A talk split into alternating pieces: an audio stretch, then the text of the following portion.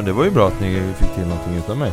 Eh, det kanske inte var, det var inte toppklass men det var ju eh, Det var kul att lyssna på. Mm. Nej jag vet, det, var, det blir ju aldrig riktigt samma utan dig. Eh, men eh, ja, vi gjorde vårt bästa. Ja, nej men det är ju inte lätt. Det, är, det börjar ta fart för mig nu också så att, eh, Nej men det kan du inte ha med.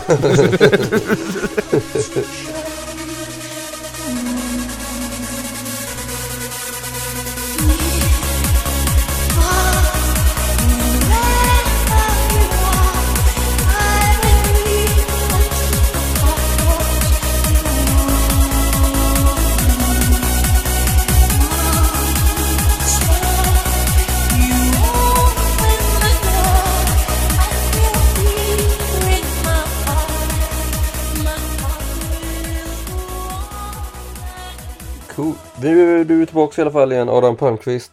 Välkommen tillbaka till Syndikatets podcast. Tack, tack. Jag sitter på Öland faktiskt och firar semester. Mm. Och jag är tillbaka i Göteborg faktiskt. Mm. Vi går om varandra hela tiden. Mm. Och idag kommer vi att prata om eh, berättarteknik i allmänhet och isbergsteknik eller isbergsteori som vissa kallar det i synnerhet. Och vi kommer försöka bena ut lite hur man kan använda den här tekniken på ett fruktbart sätt i rollspel. Vilka för och nackdelar det finns och framför allt kommer vi försöka dela med oss av personliga erfarenheter i ämnet. Det låter som ett jättebra upplägg. Um... vad skulle man kunna säga mer om det? Vi, eh, vi kör ju lite, i den här pratpodden så pratar vi ju en hel del om berättartekniker och litterära tekniker. Ehm, eh, som vi gärna delar med oss och som vi gärna för att vi, inte för att vi tycker att vi är världsbäst på det men att eh, och det finns jätte, säkert jättemånga eh, ute i rollspels-Sverige som, eh, som kan det här. Men det är kul att diskutera. Det här är ju sånt som inte vi konstlar Adam. Utan det är ju sånt som vi pratar Nej, om. nej, det här är ju ingen, det här är ingen skrivarkurs så, utan det är väl mest att vi diskuterar saker som vi tycker är intressant, eh, både när vi diskuterar troper och även när vi diskuterar berättartekniker så är det ju sånt som faktiskt, det är ju sånt vi pratar om även när vi inte spelar in podcast du och jag, eller hur? Mm.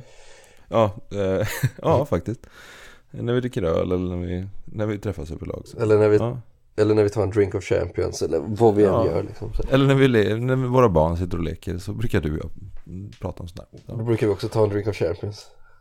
Nej, du brukar göra det. Jag, jag dricker ju bara kaffe då. Ska vi, ska vi börja i rätt ände då? Ska vi börja med eh, personen som myntade begreppet isbergsteori, nämligen Ernest Hemingway. Ja, just det. Mm, Vad har, kör. du för, vad har du för förhållande till honom? Ehm, ja, jag, det börjar väl att man läste väl eh, Den gamla havet på, eh, vad heter det? På gymnasiet, Ja. måste det varit, tror jag. Mm. I svenskan där. Sen eh, har väl han eh, dykt upp lite, lite till och från i eh, min, under min akademiska tid. Så. Dels eftersom jag höll på väldigt mycket med att jag höll på att igångsätta ett, ett projekt, ett avhandlingsprojekt om spanska inbördeskriget för många herrans år sedan. Och ut, hur, hur spanska inbördeskriget skildrades i populärkulturen, mest filmkultur då. Och Mm. eh, då, eh, vad heter det, Klockan klämtar för dig är ju en, eh, en film då. Det är inte Hemingway som, han, han har skrivit boken men han har inte, han har inte skrivit manus tror jag inte. For whom the bells toll. Just det. Eh, och då intresserade jag mig lite för Hemingway och vad han hade för erfarenhet av det där. Eh, så då läste jag eh, Farväl till vapnen istället för att läsa istället för att läsa Klockan klättrar för dig så Jaha. läste jag Farväl till vapnen. Lite ologiskt men Ja, lite ologiskt men det var förmodligen det som det lokala biblioteket, jag bodde i Härlanda på den tiden, eh, hade att delge mig. Jag skulle nog säga att det var ett bra val. Jag tycker nästan den är bättre. Mm. Eh, och sen så pratade jag då givetvis med dig om Hemingway och sen så, så kom vi att prata om hans olika litterära tekniker som han har. Och de är ju, det är ju fler än en. Men idag ska vi prata om isbergstekniken. Vi kan väl säga för de som inte vet, eh, han föddes 1899, dog 1961 och han är väl sammanfattningsvis den mest kända hårdingen i världslitteraturen. Ja just det, han är mm. Och det är, väl, ja, men det är ju väl lite det här alltså Hemingways person, alltså hans livshistoria och hans personlighet i kombination med hans eh, ja, världsberömda romaner gör ju att han rent, ja, men han är en sån här lite larger than life pers person liksom Mm. eh, in real life, alltså en av världens mest intressanta personer rent objektivt. eh, samtidigt då som hans, eh, samtidigt som hans verk också han är ju inte bara en hårding liksom, utåt sett kanske, men hans verk innehåller ju också en stor alltså sensibilitet, en stor känslighet och det är ju det, den här dualismen eh, som gör honom så intressant. Mm. Eh, Jag kan ju säga att det lär ju finnas en hel del podcast i västvärlden om män i över 30 som pratar om Hemingway. Vi är ju inte Ja, först. och det ska vi kanske försöka men vi får inte väja undan för, för det liksom, för, Nej, av absolut. den anledningen. Eh, Men det ska ju inte handla om Hemingway egentligen där. Men han eh, slutar ju med att han sköt sig själv. Eh, Mm. gravt alkoholiserad. Dessförinnan har han ju varit med i första världskriget, han har brottats med lejon och fångat stora fiskar.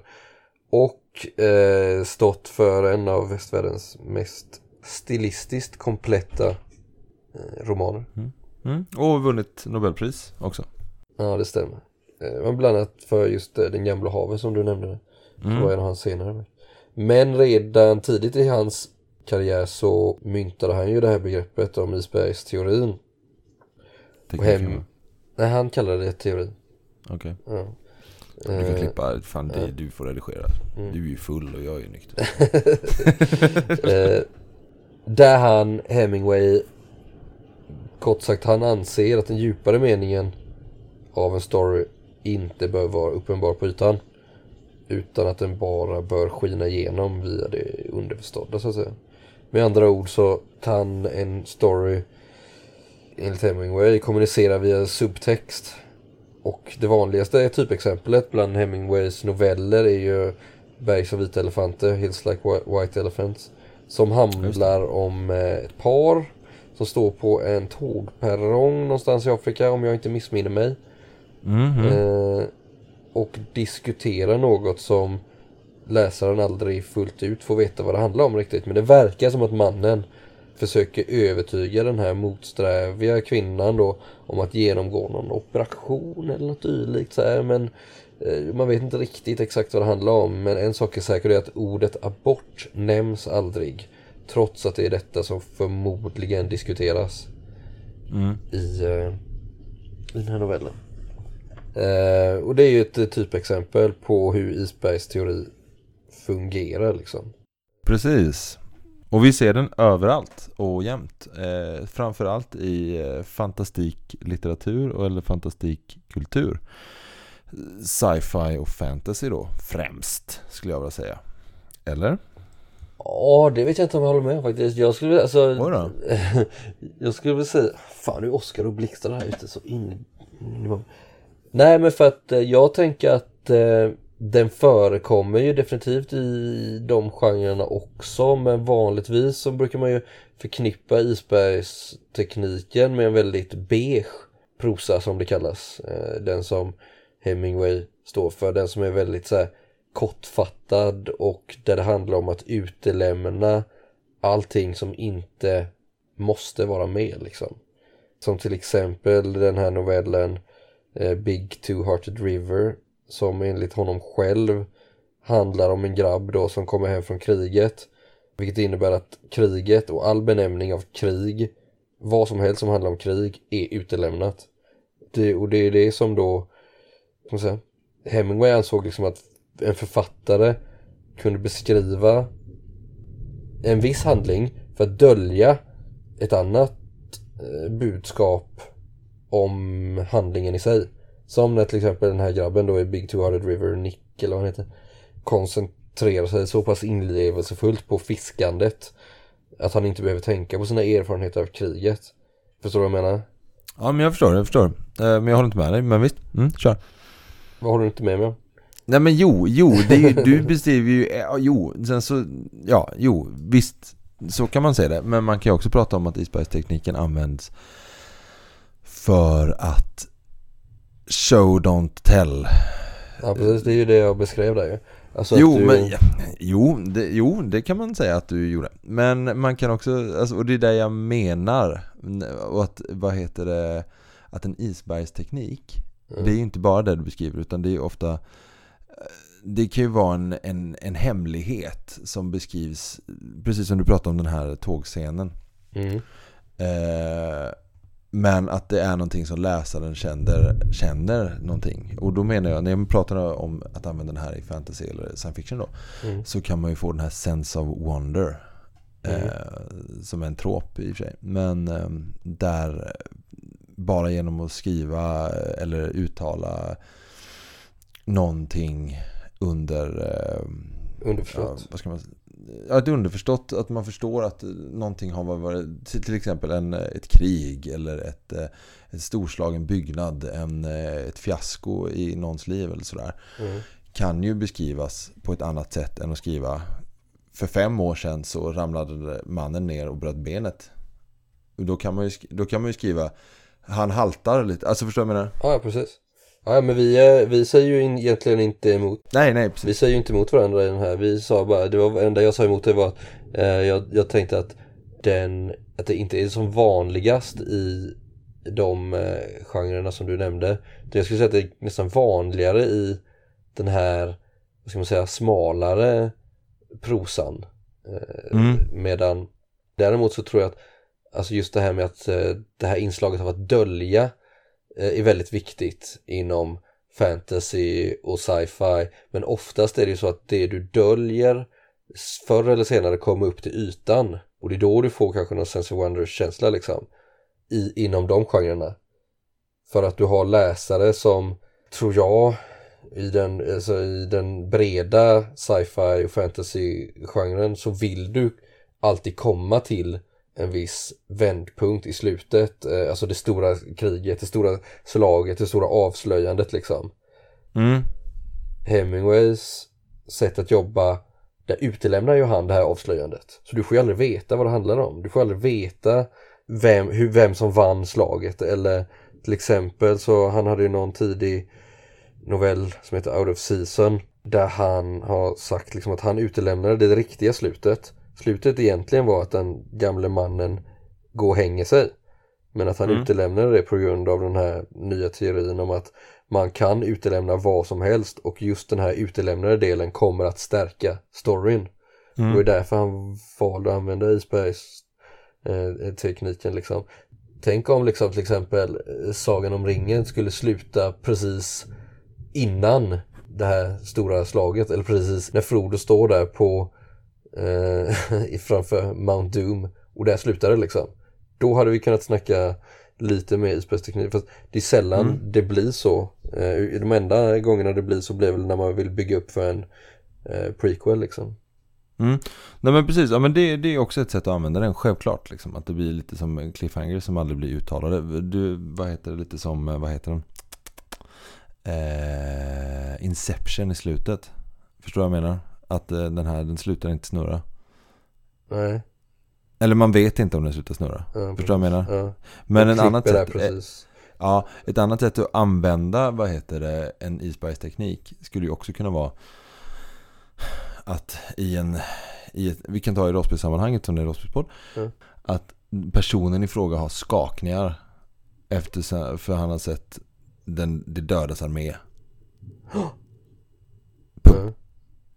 Och sen så när, hur, var, det är liksom inte så här, förstår du vad jag menar? Det är liksom, för att den har skakningar, för det är ett beteende som är liksom, fast du ska inte uttala det dödas armé, eller vems, det, vem, vem, vems odöda armé, eller vem, alltså förstår du vad jag menar? Utan det är så här, den har skakningar på grund av tidigare erfarenheter som då kan innefatta det här. Det kan ju vara ett beteende hos en person som också är en isbergsteknik fast det, bör, det behöver inte vara helt utskrivet utan det, man ska förstå det själv. Ja. Jag undrar om min mikrofon tar upp de här, det här åskovädret som hemsöker Öland just nu. Ja, fortsätt. Ja, eh, det Varför använder man eh, isbergsteknik överhuvudtaget? Ja, Jag hörde ju nu så, Mm. eh, Oscar-ordet, men det är lite stämningsfullt så. Mm. Vad heter det, säg att du var ute på allvaret nu. Ja, exakt. Eh, men varför använder man isbergsteknik? Det är ju ett sätt att skapa flavör. Eh, I alla fall inom, eh, inom rollspel tycker jag. Att man, att eh, gärna om man beskriver någonting. Eh, vi säger att eh, personerna i fråga har varit i ett, i ett land som har haft hungersnöd i många, många generationer. Att det har, eller naturkatastrofer och liknande. Då kan man ju beskriva, som jag var inne på, beteenden hos personer som, som, lite, som, som har blivit smittade av hur landet har varit eh, utsatt. Förstår du vad jag menar? Absolut. Det är ett sätt att använda. Men om man ska koka ner det mer, eh, inte ta exempel utan mer så kortfattat liksom kan, man, kan vi enas om att det gör en story bättre? Till exempel. Inte nödvändigtvis alltid. Uh, du och jag skickade iväg en text till en, uh, för att få feedback på den, kommer du ihåg det? När vi hade skrivit ett gäng noveller till, uh, till ett rollspel. Mm. Vi behöver inte säga vem det var, men, och det är ingen som vi har nämnt i podden tidigare, så nu behöver vi inte klura upp det heller. Men han störde sig på att vi använder referenser i texten som han kände att han ville veta mer om hela tiden. Han ville få dem förklarade. Så det kan vara väldigt... Eh, använder man det för mycket så blir det, kan det bli jobbigt. Eh, sen så var det ett spel, som, eller är ett spel, som vi vill göra hårdkokt. Liksom. Och det är ju många som tycker att just den här eh, beskrivningsmodellen eller litterära modellen är hårdkokt för den blir ganska karg i någon mening. Det är inte så här utmålat språk utan det blir, eh, det blir korthugget. Mm. Många anser ju att ett välbyggt isberg, ett väl mm. genomfört isberg, alltså att det ger storyn tyngd. Mm. Eh, att den stärker storyn. Eh, mm. just för att du har utelämnat någonting som du känner till som skribent eller författare och då stärker du så att säga storyn. Men om du utelämnar något för att du inte känner till det så kanske storyn däremot blir värdelös. Då menar ju Hemingway till exempel. Han sa att the test of any story is how very good the stuff that you omit is. Alltså, är du med på vad han menar eller? Uh, inte riktigt. Säg att du har till exempel skrivit en eh, rollspelskampanj där du har en jävligt fet bakgrundshistoria till, säg den onde magiken som förpestar världen då, eller vad det nu kan vara. Oavsett om den sen kommer fram i spelet eller inte så kommer den ändå påverka liksom hela eh, storyn. Mm, mm, mm. Just för att du ändå sitter inne på den. Du vet ändå hur det kunde bli så här. Men däremot om du inte har, om du bara har, ja men han är en uh, mörk magiker som vill uh, han gör det av sin ondhets skull och du har liksom ingen substans eller någonting bakom karaktären så blir det per definition kanske också sämre liksom att spelarna då kanske märker det liksom eller en läsare eller en mottagare eller vad vi nu snackar om. Mm. Ja. Precis men Ja men eh, en, alltså ett sätt, jag håller precis med dig i det men när, när när man pratar om, vi kan, vi kan ta, alltså jag menar att isbergstekniken används till exempel i, eh, jag sa ju fantastik och science fiction och sådär. Eh, ett exempel som jag har på det är ju när Han Solo berättar om Millennium Falcon och, första gången och han säger This ship made a Kessel run in 12 parasecs. Mm. Punkt. Jaha. Mm. Och sen så, så svarar Luke där Nej det är helt omöjligt. Och sen så, det är ju ingen som går vidare och fördjupar sig i vad det Kessel Run är och mm. inte vad, hur, mycket, vad, hur mycket en Parasec är. Det är ju många naturvetare som har liksom pratat om att Parasec har inte med tid att göra utan det har med avstånd att göra. Så att det är också någonting som är, det är alltså naturvetenskapligt fel. Mm. Men det är ju också ett sätt att använda det. Att det skapar ju en, en ett djup i historien utan att man, man beskriver det bara kort och sen så behöver inte någon går in på det. Men sen så när jag går in här på Wikipedia eh, som är Star Wars Wikipedia så finns det ju hur jävla mycket skrivet som helst om det här The Kessel Run. Mm. Så, som, ja. som inte, förmodligen inte är kanon ja. någonstans. Ja, men nu är du inne på en jävligt intressant grej som jag inte riktigt mm. har tänkt på. Utan jag har mest eh, reflekterat över isbergsteorin mer som ett Alltså hur det omfattar ett helt verk. Men det du gör nu är jävligt intressant för du menar att man kan gå egentligen in på mikronivå. För Ja, att det. plocka ut de här små detaljerna i sig en enskild scen eller i en enskild, eh, i en enskild replik som på något sätt vidgar storyn. Eh, alltså man snackar om någon typ av kontextualitet eller paratext eller subtext. Mm.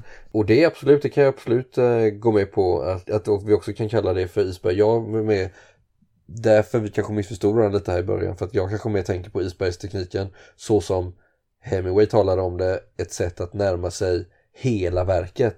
För jag skulle ju Mm. inte säga att George Lucas verk är byggt på isbergsteknik i sin helhet utan det är ju snarare Nej, det är snarare om du ser det verket i sin helhet så är det, följer det ju en jävligt klassisk Hollywood-dramaturgi liksom. Ja, ja, ja, Eh, självklart. där du har liksom en tydlig kurva av upptrappning och bla bla bla och allt det här som vi pratade om i Heroes Journey till exempel. Det är ju ett sätt som inte alls klingar med Hemingways sätt att närma sig en story på egentligen liksom. Men som du säger, det, det är väldigt intressant för den här typen av ja, subtext som är en angränsande term eller det, det, det, det ger ju givetvis ett djup till storyn som man berättar. Även om det är en så pass, eh, vad ska man säga, icke djup story Mm. som eh, Star Wars. Ja men precis, och det är där, vad heter det, det är lite där som jag tycker, det är då det är användbart i, i rollspel. För då skapar det någonting som, alltså om jag säger, det spelar ingen roll om vi spelar ett vikingarollspel eller om vi spelar ett eh, science fiction-rollspel eller om vi spelar ett nutida rollspel som ändå har eh, så behövs det inte, det är ju det här det blir användbart, det jag försöker säga. Eh, att, eh, att man kan säga, vi säger det i ett samtida rollspel då och säga så här att eh, jag var bilmekaniker i Irakkriget. Punkt. Och sen så, så kan det ju komma någon spelare och säga så här Jaha, vad gjorde du då? Vilka bilar meckade du med då? Vad, vad, du, vad kan du för verktyg och vad har du för färdighetsvärde i, Ja. i bilreparation? Men där när jag säger det så vill jag säga att ja, men jag, kan, jag, jag kan krig och jag kan, jag kan bil. Och du bär förmodligen på någon typ av trauma. Ja, precis. Man kan ju bara säga så här, jag var i Fallujah. Mm. Förstår jag menar? Och där, där förstår, liksom, då, då är det meningen att man ska förstå Mm. eh, resten av spelet. Och det här är ju ett problem när Ja. man använder det här också. Jo men nu har vi ju varit inne lite på de här fördelarna med isberg. Jag skulle bara vilja Mm. avrunda innan vi går in på nackdelarna för det känns som att det var dit du var på väg. Mm. Eh, Ja, men visst, visst. så ska jag väl, tycker jag ju att en isbergsteknik, en väl fungerande sådan, ger storyn tyngd. Alltså den ger gravitas som man säger på latin. Mm. Ehm, fan vad det lät Och det bru- brukar ju du Nej, prata ganska ofta så. Jag får säga det en gång till. Eh, eller gravitas, eh, som man säger. Eh, ja, just det. Det, det är ett begrepp som används, för fan. Självklart. Ja, i dina kretsar ofta. Jag anser i alla fall att eh, jag tycker att en story blir mer spännande när man som mottagare inser att man inte exponerats för hela bilden. Exakt. Det är inte spännande på samma sätt som till exempel skräck eller en thriller eller en deckare där man sitter liksom på nålar i väntan på en sån här jump scare eller en actionfylld upplösning. Utan det sker mer på ett, vad ska man säga, intellektuellt, dekonstruerande, analyserande sätt. Mm. Alltså den typen av spänning är mer spännande för mig nu för tiden. Det kanske jag inte tyckte när jag var 16. Nej, precis. Eh, Men jag menar en strapatserik piratstrid eller en fasadklättrande färgglad superhjälte eller någon typ av jump scare demon liksom. De är, det, det är så jävla kortvarigt. Men ett isberg det fortsätter att ägga din fantasi långt efter det här ögonblicket då det flöt förbi ute på havet liksom. Ja men, ja, men jag, jag har, precis, precis. Och det är det här som jag tycker är så tjusigt med det. Att, att om man har en bra dynamik i spelgruppen, om du har en bra dynamik i, i din spelgrupp så vet du ju att du kan kasta dig ut med sådana här uttryck. Eh, och det spelar ingen roll så här, ja men jag var vid Pellernos slätt. Mm. Och då, och då förstår man att det här var, det, var det, det, det tog hårt på den här personen. Det finns ju så mycket, då får ju liksom det jag säger, mottagarens fantasi får, får ju liksom dra, dra linjerna liksom. Ja. Och även om inte, vad heter alla vet vad Pellenos eh, slätt är så förstår ju någon utifrån tonläge och sådär Mm. så förstår ju ganska många vad det är personen menar. Ja, men sånt jobbar du nog ganska mycket med som spelare tror jag. Alltså att du lägger in Ja. lite sådana här grejer som eh, Men du, säger, så du säger det ofta på sånt sätt att vi som spelare fattar att vi kanske inte ska ifrågasätta det för mycket utan att vi accepterar det som en Vad händer då då? Ja exakt Ja. Du sa det tidigare men berätta mer Eh, Hur många mil är det mellan Pelennor och Kellenor? Eh, Ja. ja, precis. Nej men, eh, nej men jag tycker du är inne på en intressant grej där så du använder ditt du, du nämnde förut show, show don't tell som man, man brukar prata om gestaltning Mm, eh, i skrivtermer på svenska liksom och det är ju just det att man antingen via repliker, dialog eller via kroppsspråk eller via vad det nu är, att man eh, kanske uttrycker någonting men menar någonting annat, det finns något annat under ytan liksom. Precis. På samma sätt som ett isberg, du kanske bara ser en åttondel av det och resten är under ytan, men du, det är ju också viktigt att du då som mottagare kopplar det. Mm, ja men liksom. precis. Men jag kom, på ett, jag kom på ett exempel nu, vi sitter ju här på sommarkvällarna efter att mina barn har somnat och kollar på så här lite mysiga deckare. Det är typ morden i Midsummer, det är så jävla gött att kolla Mm. på dem. Så här, Cozy Catastrophe. Just på det här sättet, jag kommer tänka på det nu när du nämner hur det kan fungera även i mikroperspektiv liksom, alltså även i mikroformat. Eh, Då kommer det in någon eh, sån här, de har någon sån här kanintävling i stan då som de alltid ska ha innan morden Mm, börjar begås. Så då kommer det in någon sån här eh, tant på vandrarhemmet och ska boka rum, det, liksom checka in på rummet och så frågar ja, eh, namn tack säger han bakom disken och sprinkles säger hon då. Uppger kaninens namn istället för sitt eget namn. Vilket är liksom, det är ett extremt och ett humoristiskt exempel liksom. Ja, Men det här visst, beteendet ringar ändå in karaktärens natur så jävla bra tycker jag. Alltså Mm. genom kort, kort eh, meningsutbyte så förstår du liksom, okej vi har att göra med någon typ av original som brinner för det här med kaninhoppning så pass Mm. mycket att när folk frågar om namnet så tror hon, att, tror, tror hon att man frågar efter kaninens namn. Liksom. Där har du ju, det är inte, det är, vad ska man säga, karaktärsgestaltning där du på ett tjusigt sätt avslöjar väldigt mycket av en karaktär. Sen- Sen var ju inte det här någon viktig karaktär, sen går jag vidare, den personen har, ju- finns inte med sen i resten av äventyret liksom. Some people live their life to lie. I live my life to open up my eyes real wide. Why, why? Some people wanna live blind and walk the road. Oh no, for whom the bell toll. Some people wanna live blind and walk the road. Some people wanna live blind and walk the road. Some people wanna live blind and walk the road. Oh, Jo, nej, men det som är en, en tydlig nackdel i det här eh, med isbergstekniken är ju att om du, om till skillnad om du, eh, om man gör det här mikroperspektivet, det som jag talade om förut, och eh, talade om att man liksom eh, kör någon sån här gestaltningsvariation av det, att det blir ett problem om du inte känner din spelgrupp. Att en, en spelledare som läser där du skriver, eller motsvarande, och du skriver så här återkommande hela tiden så blir det problematiskt. För det, spelledaren är ju den som ska vara makaren. Om det är filmmakaren eller berättaren eller vad man nu vill säga på det. Och har inte hen all bakgrund så blir det väldigt svårt. Eh, så man kan inte använda den rakt igenom tycker jag i rollspelssammanhang. Ofta eftersom rollspelare, och nu kanske jag generaliserar lite, är lite vetgiriga. De vill ha lite bakgrund. Eh, Många nöjer sig inte med den här lilla, den här lilla eh, brödsmulan, spännande brödsmulan om Pellenoslätt eller Kellenoslätt eller vad det nu kan vara. Liksom.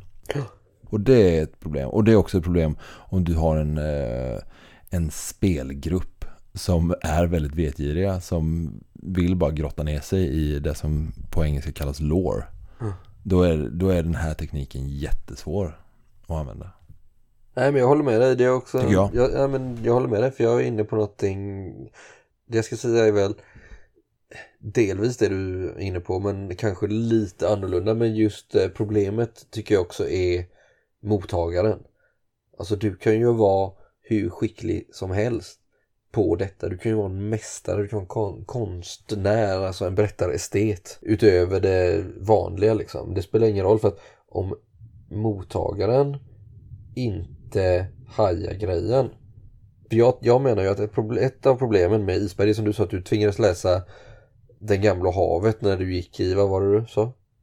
Gymnasiet och jag lärde det med glädje kan jag säga. Ja men du var ju, du, då var ju du en av få skulle jag säga för jag tror ju att Alltså om mottagaren inte är tillräckligt gammal eller tillräckligt mogen eller kanske till och med inte tillräckligt smart så fattar inte den här personen själva grejen.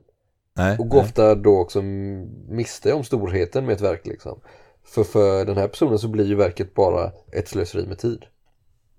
Ja, just det. Just det. Och jag kan garantera att alla våra smarta lyssnare har säkert hört mindre bevandrade bekanta eller personer som klagar på storverk för att de säger att Nej, men de är sega, de är tråkiga, det händer ingenting och bla bla bla. Medan man själv är liksom full av lust och inspiration och tolkningar liksom av samma verk. Och då Mm. förstår man ju någonstans att det här beror på att den andra personen saknar vissa verktyg eller vissa insikter eller kanske rent av vissa kompetenser liksom för att uppfatta och uppskatta ett isberg liksom. Du behöver rätt glasögon. Ja, men definitivt. Definitivt. Det är som att se en, det är som att se en 3D-film utan 3D-glasögon. Ja. ja, jo men jo, jag håller med dig. Men det är ju också så att det finns ju olika typer av eh, mottagare och eh, jag vill inte säga att det handlar om någon form av intelligenskvot eller så. Eller att man inte har ett verktyg. En del vi drivs ju av, en del spelar ju till exempel spel eller rollspel för att upptäcka, för att eh, få ett sammanhang, för att eh, känna att de, jag, vill, jag vill bli jävligt duktig på den här, eh, på den här världen. Liksom. Eh, det ser vi ju att alla de här wikisidorna till de här eh, ja men till serier eller sådär att det, det, samma serier använder den här tekniken ganska ofta speciellt de här eh, Battlestar Galactica till exempel. Men då har det ju skrivits liksom tonvis med wiki-material till de här eh, vad ska jag säga fenomenen i serien Mm. och sen så ja, i episod 1.3 så, sa, så sa, pr- pratade de, så är det två meningar om den här planeten. Mm. Och sen så i episod, nej, i säsong 4, episod 5, då nämner de den igen. Och sen så, dessutom har filmmakaren Eh, bla bla bla, vad, nu, vad hen nu kan heta. Sagt i en intervju med någon sån här sleazy fansite. Ja, men du förstår vad jag we get menar. it, we get it. Ja, de, den, den typen av publik kanske inte är så förtjust i isbergstekniken i det här, i det här perspektivet. Fast det är ju det, i, på sätt och vis är det ju det de är eftersom medan vi andra bara är uppe och tittar på toppen av isberget så är ju de tagit på sig dykardräkten och åkt ner under vattnet för att se hela isberget i sin helhet. för Så du de älskar ju mig. egentligen, ja, förlåt, Ja, du avbröt mig i mitt retoriska upplägg. Så. Ja, sorry. Men, ja, så, så kan jag stal den. Ja, det gjorde det. För det är det jag menar. Det om det, då måste det banne baske mig finnas ett isberg där under. Det kan inte bara vara ett isflak. Nej. Förstår du vad jag menar? Det kan inte bara vara ett flak som flyter runt där det står eh, Gullfire på. Exakt. Så. Eh, Gullfire plus Leningrad lika med Snake Plissken. Mm. Det måste baske mig finnas ett stort jävla berg där under som man kan grotta i. Och Ja precis, för det är ju det som är skillnaden med rollspel och att se en Hollywoodfilm för att du kan inte ställa frågan till Snake Plissken liksom. Vad fan gjorde du i uh, Leningrad? vad fan gjorde du i? Leningrad liksom? Ja. Det, det, det, det är ju därför du bara nöja dig med att det är som det är och du känner att ah, här finns det en bak, ett bakomliggande mysterium. Liksom. Eller ett bakomliggande sanning. Men här Mm. i rollspel så kan du faktiskt bli satt på pottan som spelare. Och det är också en, man kan tycka att det är en eh, nackdel. Eh, alltså det jag menar, jag kanske när jag snackar om nackdel här så kanske jag menar det mer i ett eh, jag vet inte, litterärt perspektiv. Eller just det där med att när jag tolkar det ur Hemingways eh, ord liksom, att det kan bli lite beige och lite tråkigt. Det blir liksom en, kan bli en nackdel liksom. Men för att rollspelare, vi vill ju komma till slutbossen. Om det nu är den typen av rollspel man spelar. Ja. 95% av alla rollspelare tror jag spelar äventyr med början, ett mitt och ett slut. där det innebär att man någonstans ska få veta liksom så här, men vem var det som mördade kungen liksom? Eller vem var det som rövade bort min dotter? Om de här sakerna aldrig kom upp till ytan så tror jag att det blir väldigt eh, vad ska man säga, problematiskt för många rollspelare. Ja, ja, jätteproblematiskt. Men också att det är så här, det är ju skitjobbigt. Jag finns ju någon jävla, eh, något jävla äventyr skrivet till, eh, till jag tror det var Göte Dämmerung eller någonting som slutar med en sån riktig, jag tror att det var ett konventsäventyr så jag ska inte mm, kasta, kasta skit i glashus. Nej, vad heter det? Sten i glashus. Men, men eh, vad ska jag säga, så slutar det så här med en cliffhanger. Eh, fast inte en, cliff, inte en bra cliffhanger. Så här, oh fan jag vill spela nästa äventyr. Utan mer så här, man får inte reda på någonting. Och sen så slutar det mitt i en scen. Och det är inte bra. Nej. Eh, speciellt eftersom det aldrig blev en uppföljare sen heller. Nej. Nej, det är inte en bra sätt att hantera det liksom.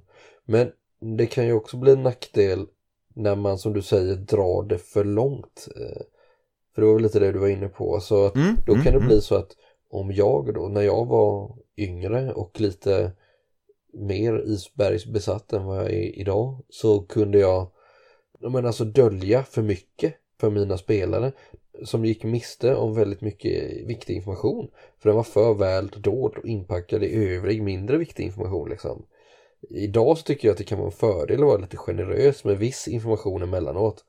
För att spelvärlden inte ska bara ska bli en grå vägg av information där ingenting sticker Mm. ut och ingenting verkar mer relevant än någonting annat. Att skriva på det sättet, alltså det vill säga mer informativt berättande. Alltså lite mer tell än show. Mm. Och samtidigt behålla någon typ av litterär verkshöjd. Det är väldigt svårt. Alltså det är en stor utmaning. Som Mm. alltså bara de allra bästa klarar av. Typ P.O. Enquist han är en sån. Han kan liksom på första sidan avslöja att huvudpersonen kommer hängas i slutet av boken. Men ändå göra storyn fruktansvärt spännande och läsvärd. Eh, livläkarens besök jag tänker på nu då. Ja, jag tänkte på den. Jag tänkte, ja, faktiskt. Eh, nu var det också ganska länge sedan jag läste den. Men eh, det var det, är det enda jag läst av P.O. Enquist. Jag ska inte försöka. Så, ja. Men jag, eh, eh, min åsikt idag liksom, eller alltså att, det, alltså att bemästra den konsten, att både kunna berätta med gestaltning och avslöjande information i samma text är någonstans, det är det stora höga för mig just nu. Mm. Och då säger jag inte att jag tycker att P.O. Enquist är bättre än Hemingway per definition, men du förstår vad jag menar liksom. Men det är så jag försöker tänka också när jag skriver och spelleder rollspel liksom.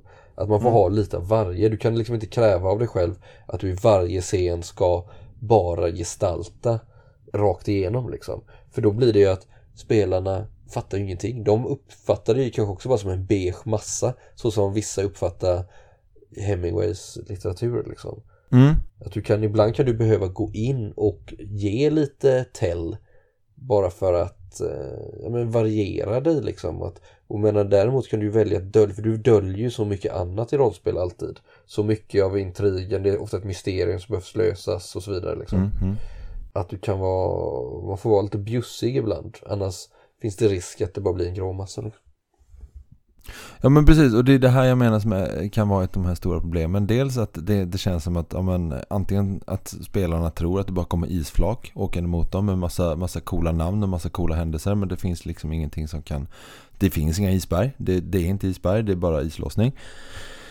Men, och en, en, en, annan, en annan grej är just det att om du bara kastar sådana här grejer mot dem eh, och kör någon sån här kryptiska eh, korthuggna beskrivningar så tror ju eller så kanske också sp- spelarna eller läsarna om man läser ett trollspel eh, tycker att, men vad fan det finns ju ingenting här. Ja. Det finns ingenting att gå vidare. Den här personen har inte tänkt på det medan du har försökt använda en teknik.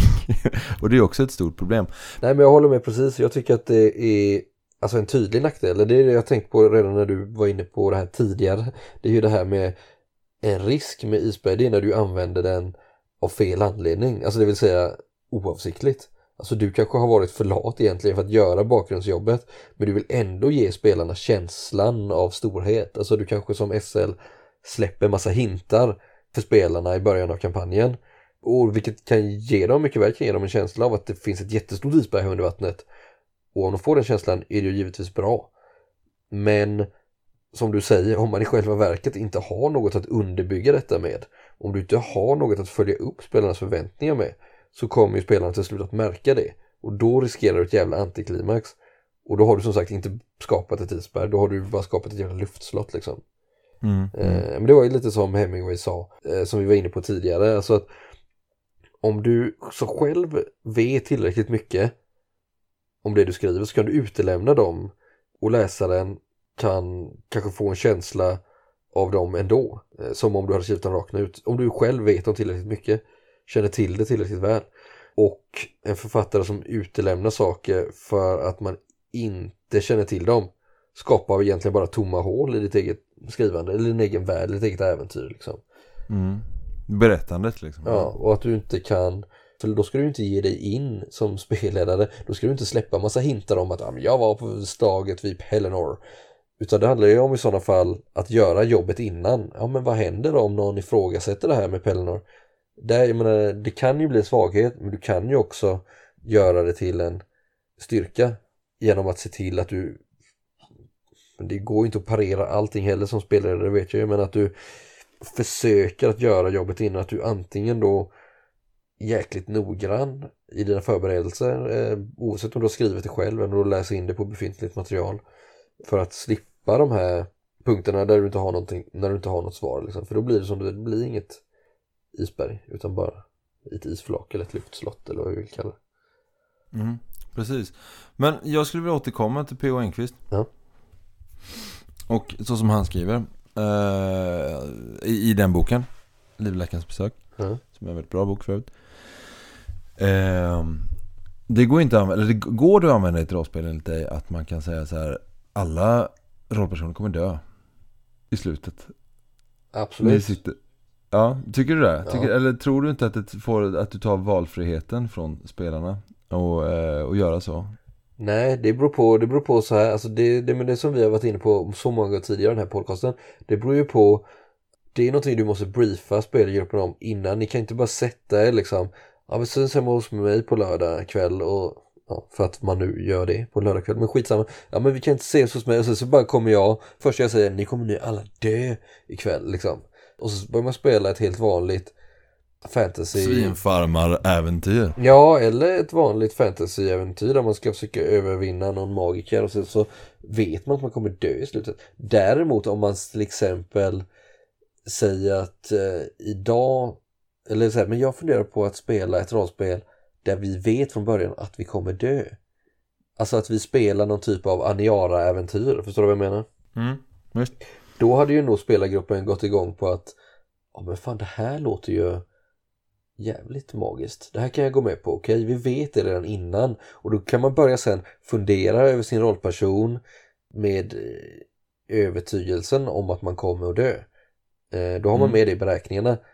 Så då tror jag att absolut att det är helt möjligt men att man då tar det med spelgruppen långt innan man börjar. Det är tråkigt om man så här, först har gjort en rollperson som man bara, "Ah, han ska vara bra på det eller hon ska kunna det här.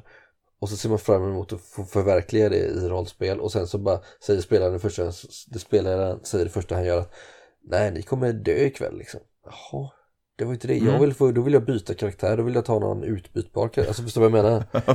jag vet Nu inte. fick du ett långt svar här på en kort fråga men eh, absolut, det tror jag absolut att du kan göra om spelarna har den förutsättningen redan Mm. innan de börjar göra sina karaktärer. Då kan det nog bli en cool utmaning liksom. Eller på tal om isberg, säger man att du bestämmer dig för att nu ska vi spela Titanic liksom. Ja, precis. Men det, jag måste or- omformulera min fråga trots att du gav ett förbannat bra svar. Du, du sa ju så här, P.O. Enquist skriver ju att den här mannen kommer hängas imorgon. Det är oerhört problematiskt. Om du säger det till rollpersonerna, för då vet alla att de kommer dö av hängning, inte att de kommer dö. Ja, Förstår du vad jag menar? Och då, om man då spelar Titanic, ni kommer, då kan man säga så här, ni kommer ni drunkna. kommer drunkna allihop. Och det, ja, fast då kan man drunkna på flera sätt. Någon kan drunkna i Men liksom. det, hur du dör är ju inte så viktigt egentligen. Nej men alltså, jo men för det, jo det som, Ja, det men som du- blir intressant, ja. jo men du, lyssna nu. Mm. Det som blir intressant i någon mening här då, är ju att, ja men då, den här risktagandet ökar ju givetvis. Men blir den här, ni pratade om minispel i spelet, minns ni eh, eh i podd sist? Ja, Eh, strids, eh.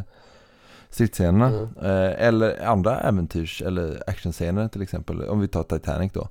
Att man svingar sig mellan de här skorstenarna varför man nu skulle göra det. Eh, eller sådär. Mm.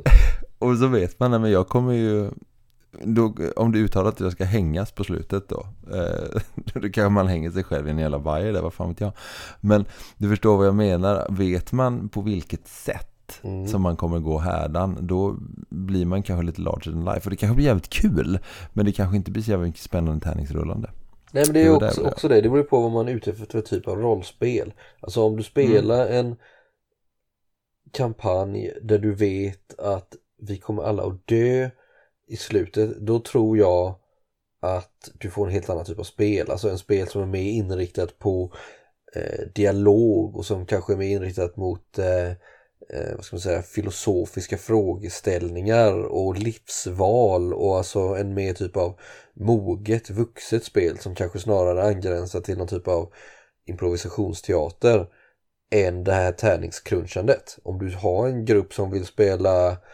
eh, D&D och ner och liksom cruncha, orcha, cruncha, orche. Om du vill ner liksom och ha någon typ av eh, grottröj eller liknande spel. Ja. Tycker det, och, så, du- och där du vill levla och hålla på du vet sådär. Då kanske den gruppen tycker att, ja men varför ska vi göra det här liksom? Mm. Förstår du min definitions... Eh, Ja men, jag består, ja, men jo, jag, det du försöker säga är väl att liksom, när, utifrån vad man vet slutkontexten så föder det olika typer av beteenden i spelgruppen. Delvis men också att spelgruppen Alltså givetvis det enkla svaret är att säga att det beror ju på vilken grupp du ställer frågan till Självklart. eh, Det är det enkla svaret men Jag tror att i vår grupp till exempel Så tror jag mycket Jag hade ju definitivt hakat på den idén om du hade föreslagit det att Nu kommer ni alla dö i det här slutet Men då hade jag nog för eh,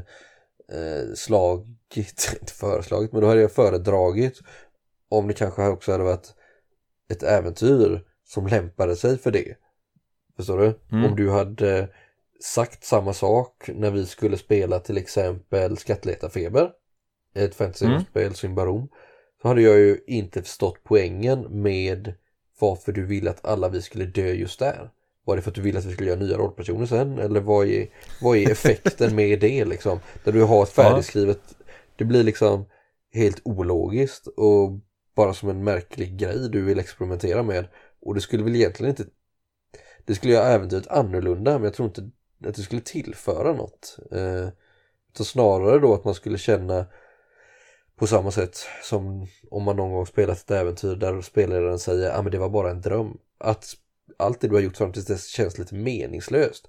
För att du har... Eh, är du kvar?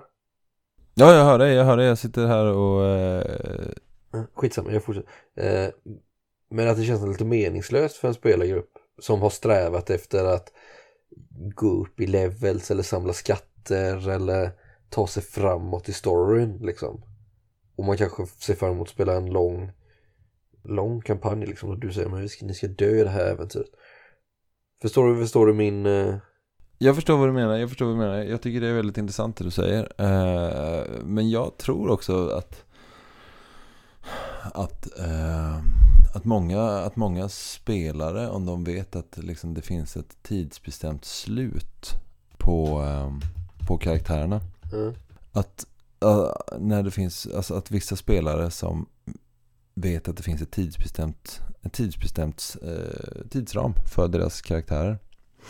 Som inte innefattar med att, att äventyret är slut eller att kampanjen är slut. Utan det fin- den, den är tidsbestämd. Mm. Att det är många spelare som drar sig för, för att äh, spela den typen av spel. Förstår du vad jag menar? Vilken typ att det är många, ja, men just det här att, så här, att ja, men om jag säger, det, ska, det beror på om man spelar Ja men vi säger att man spelar kult då, liksom, där allting är Vad heter det? Där, där man praktiskt taget redan är död Eller är för döden i bara början och allt det där ja. Sådär. Ehm, då är det väl kanske en annan sak. Men alltså, det är väl skillnad på alltså, döden som begrepp. Att du, den här, du plockas bort från, från eh, handlingen. Vi eldar upp ditt rollformulär. Vi kommer inte ens nämna dig längre. Det är ju en, då är du ju borta och då är det många som känner så här, men varför ska jag varför ska jag börja den här resan om det inte kan bli en, en längre resa för den här karaktären? Om man inte har gjort upp det med spelledaren. Förstår du vad jag menar? Att det är, eh, Många spelar ju rollspel för att de vill just tärningscruncha. Eh, Ja precis. sådär, Ja. okej. Nej, men det var, Och, eh, mm. Ja, men jag, jag, jag har väl sagt. då har vi samma åsikt. Men det jag menar är att jag tror att det skulle kunna vara eh, om du föreslår, nu antar jag att det här är ingenting du har gått och tänkt på utan du fick den här idén nu när vi pratade om P.O. Enquist. Ja, självklart. Som absolut inte har med is- isbergsteknik Nej, det är ett sidospår här nu men eh, Ja. vi kan väl ändå göra färdigt den. Eh, men om du skulle föreslå till mig att vi kör ett Aniara-äventyr. För de som Mm. inte vet vad Aniara är så är det en eh, diktsamling eller en lång dikt av eh, Harry Martinsson. Ja, Eh, som eh, handlar om en besättningen på en rymdfärja som går ur kurs och bara ränner rakt ut i rymden liksom. Mm. Mot skyttens stjärnbild om jag inte minns fel. Hur som helst så Lite Coriolis-vibbar kan man dra ibland. Ja, Gasali hade väl, jag vet inte sen, ja lite så. Coriolisvibbar. Ja men du menar de som lämnade jorden då? Ja. Men precis, man, de lämnar. Men det finns många troper man kan dra i där. Men eh, ja, hur som helst. Eller Doris som man kallar jorden i Aniara. Ja, hur som helst så eh, om du skulle föreslå att nu ska vi spela Aniara liksom. Varför har vi inte gjort ett äh, Varför gör ingen det rollspel? Ingen får ta det här nu, vi ska ta det här. Ja. Syndikatet ska göra Aniara rollspel. Ja. Eh, hur som helst, eh, så om du säger men nu ska vi spela Aniara och det kommer innebära att eh, ingen av er kommer ju överleva liksom såklart. Så ni kommer ju dö här på ett eller annat sätt. Okej, coolt. Det är ju samma sak som att vi skulle sätta oss ner och skriva manuset till eh, Philadelphia liksom. Mm. Eh, Tom Hanks. Alltså att du, du Ja, jag beskriver ju storyn om en dödsdömd person liksom. Mm. Eller The Green Mile också med Tom Hanks. Eh, Nej men alltså du vet, det, vi ja. vet liksom att vi är vi sitt, vår tid är begränsad och därför kommer ju vi också acceptera det i ett tidigt skede och göra våra karaktärer därefter. Vi kommer ta upp ämnen som är intressanta för oss. Vi kommer ju liksom börja spela rollspelet annorlunda med insikten mm. om att vi kommer att dö. Och våra karaktärer vet också om de, att de kommer att dö. Frågan är, kommer de att acceptera det? Liksom? Hur kommer de leva Mm. ut de här liksom, eh, sista stunderna? Liksom? Precis som en, inte alls precis som en jävligt hård jämförelse, men en person som får ett dödsbesked i verkliga livet. Som givetvis får ett helt annat eh, livssyn när du vet att du ska dö. Mm. På ett Mm. liknande sätt får man ju se på rollspelandet då liksom. Att du kommer också att spela rollspelet annorlunda med vetskapen om att du kommer att dö. Eller, vi vet att vi vet givetvis att vi kommer att dö, men du vet med säkerhet att du kommer att dö. Det är ju lite det Aniara handlar om också. Det är ju en metafor för hela den Mm. insikten. Liksom. Döds, ja, dödsinsikten. Mm. För för det som jag eh, tänker här är ju att för rollspelare eh, som jag, som, som jag känner dem. Eh, sen så kan många argumentera emot mig här på, på hemsidan och sådär. Är ju att eftermälet här är jätteviktigt. Mm. Eh, att den, de måste dött för en mening som s- spiller över in i nästa karaktärsbyggande. Förstår du vad jag menar? Ja, fast Det tror jag är viktigt. det för, för många är det nog det. Men för mig hade det inte varit det. För mig hade det ju varit att eftermälet, det hade ju blivit det här äventyret. Det, det är ju lite som att säga att Aniara inte har ett eftermäle. Eller, för, för mig så står ju äventyret som vi har skapat, det står ju bra för sig. Det är också, man, man har ju gjort upp någon typ av chimär för sig själv. Liksom, där när man tror att ja, men den här kampanjen, vi kan ju gå och drömma om karaktärer i sådana fall som vi gjorde, när vi var 16. De lever fortfarande, ja, och de hade kunnat bli någonting annat, ja, men vi kommer ju ändå aldrig spela dem igen. Så en död rollpersons eftermäle kan ju bli mycket större och viktigare och vackrare än en rollperson som fortfarande lever och har alla möjligheter att utvecklas eller få efterföljare liksom. Förstår du vad jag tänker? Jag förstår hur du tänker eh, och eh, så skulle det kunna vara. Men jag tror att eh, om man spelar sådana episodiska spel och sådär. Men jag tror att många, eller kanske med att jag försöker spegla mig själv i det här. Att jag skulle vilja så här, om jag skriver en en setting då eller om jag startar en setting. Att då vill jag gärna att den här settingen inte bara är tio spelmöten sen så är den slut. Sen finns det en tjusning i det också såklart.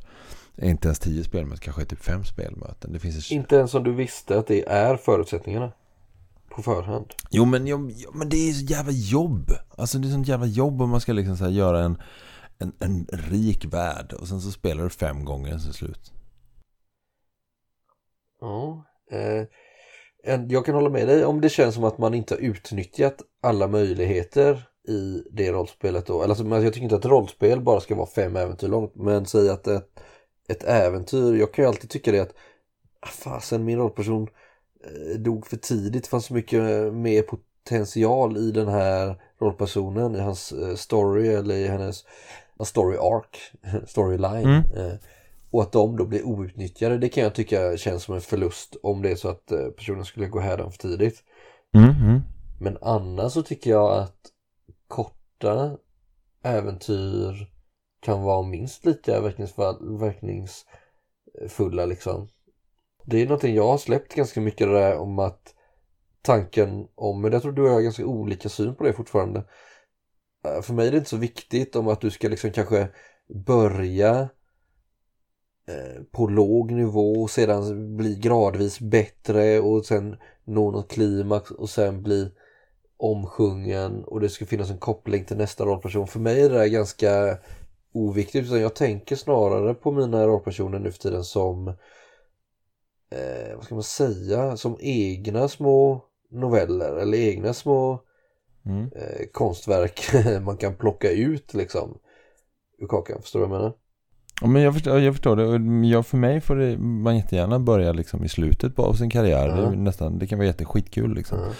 Men det, det, det jag pratar som, som skapare och har liksom gjort en, liksom en, en sån rik och härlig värld. Och sen så, fast det, det kanske beror, det också beror, på- beror på liksom vad man har för jag vill ju att det ska liksom, det som jag gör ska liksom leva vidare. Jag kanske är den här personen som vill dyka ner och känna på isberget lite. Ja. än, eh, för att återkomma till det här då, istället för att liksom lä, lämna det där här. Jag kanske inte känner mig nöjd med det här. Nej, det gör jag fan inte. Nu kommer jag på en sak. Eh, jag satt och kollade på My Little Pony, Friendship is Magic, med min dotter idag innan hon skulle gå och lägga sig. Mm. Och sen så, så nämnde de någon magiker typ, någon, vad heter han, Star Shackle eller någonting. Han, den, den stora magikern Star Shackle Mm. hade, det var någon besvärjelse som inte han hade fått ihop där innan, han, liksom, innan hans levnad var slut. Och sen när jag har nattat min dotter så började jag googla på Star Shackle. för att ta reda på, vad finns det något mer om den här? Jag vill veta mer om den här, just det, Star Shackle, eller Star, Star Shackle, ja men Star Shackle, den, den skäggige. Så Star Shackle the Bearded. Och det fanns en del bakgrund, bakgrund på honom. Ja. Så vi har hittat, dels från, ja, vi jag har ju också nu förstått genom att jag googlade på det här Att jag och min dotter tittar på generation 4 i My Little Pony Det som finns på Netflix Men det finns alltså, Star Shackle finns liksom med i generation 1 Vänta lite, nu håller de på här. Ja, nu ska de gå och lägga sig. Ja, Ja, men vi kan, vi kan, vi kan, avrunda, nej, men vi kan avrunda Nej men det är det, det är det jag menar Jag insåg just att jag var den personen som, som dök ner och kände på isberget Mm.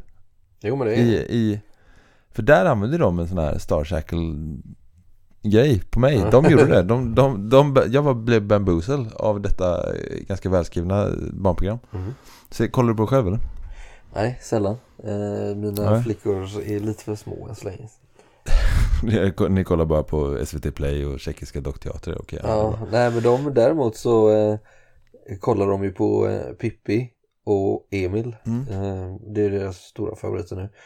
Och eh, där kan man ju säga, alltså Astrid Lindgrens eh, epos, höll jag på att säga. Så kan du också hitta en hel del isbergsteknik. Alltså eller gestaltningar som är eh, som jag ibland kan häpnas av bara, bara good writing. Och ibland kan jag känna också, om man ska vara helt ärlig, bad writing. Men så är det ju med allt. Till Eh, exempel ja, tycker jag det är väldigt märkligt om vi ska snacka om det här med karaktärsgestaltning och asspull och sånt där att eh, i avsnitt 9 av 10 så fick man veta att Prussiluskan var kartokig. Det finns ingenting som tyder på det i de tidigare nio avsnitten förrän de förrän Pippis pappa eh, Efraim Långstrump återvände. Och då ska hon plötsligt få liksom stora Självan liksom. Shit. kåtskälvan på honom liksom. Ja Eh, men för fan, alltså säga vad man vill om det men Efraim, i alla fall när Beppe Wolgers gestaltar honom, jag får självan alltså, han är ju så jävla mycket man. Ja fast han har oerhört tunna armar. Kolla på det igen får du se. Alltså, Mm. Ja, men- Man tänkte han var så stor och stark och tjock och stark. Men han är oerhört tunn. Han ju liksom oerhört tunna armar för att vara världens starkaste pappa. Men Pippi har också ganska tunna armar, eller hur? Visserligen. Eh, men det kommer ju på köpet. Liksom. Ja, men de kommer ju, alltså deras styrka kommer ju inte från hård Nej, gymträning Nej, utan det, det ligger ju liksom i, det är typ som vad heter det, vad heter det, Samson och The Force någonstans. Delilah Mm. liksom. Ja men det, det sitter i, om det inte är flätorna så är det i skägget liksom, eller den gröna t-shirten. Ja. Ehm, Hur som helst, nu har vi kommit på ett oerhört långt sidospår. Ska vi återvända till eh, ja isbergsteknik? vi måste nästan avrunda här. Nej, sluta nu. Känner jag. Jo men jo det måste vi nästan göra. Men vi har, ju, vi har ju inte ens kommit in på hur man kan använda isberg i rollspel. Jag kan för övrigt hålla med dig om hans armar inte är jättestora. Nej det är de inte. Han har ju inte lyft en någonting hela sitt liv. Förutom ölburkar. Nej, Beppe. ja, för fan, Beppe. Eller tänker du på Efraim Långstrump? Nej, eller Beppe. Beppe? Nej, Beppe har något. Förmodligen eh, Efraim också. Han verkar vara en riktig kanalje. Ja, en riktig skurk och kanalj. Ja. ja, men eh, Adam, fan det här är skitspännande. Men jag måste verkligen ta en paus. Jag blev, det här var för mycket för mig. Ah, du är en större besvikelse än Efraim Långstrump. Och hans armar och hans dåliga faderskap. Så känner jag för dig just nu. Men likt Pippi så kommer jag inte sluta tro på det. Vi, eh, vi, Rent av älskar mig. ja, det får vi se. Vi lyssnar på lite tunes och så, så kommer vi tillbaka om 20 sekunder. Ja, tack. Mm. Ett svårbestämbart fel i tyngdkraftverken gör att vi bara faller nedåt i en rymd som till en brunn förvandlad, nedåtstupande. Hur svårt att stå vid altare och mässa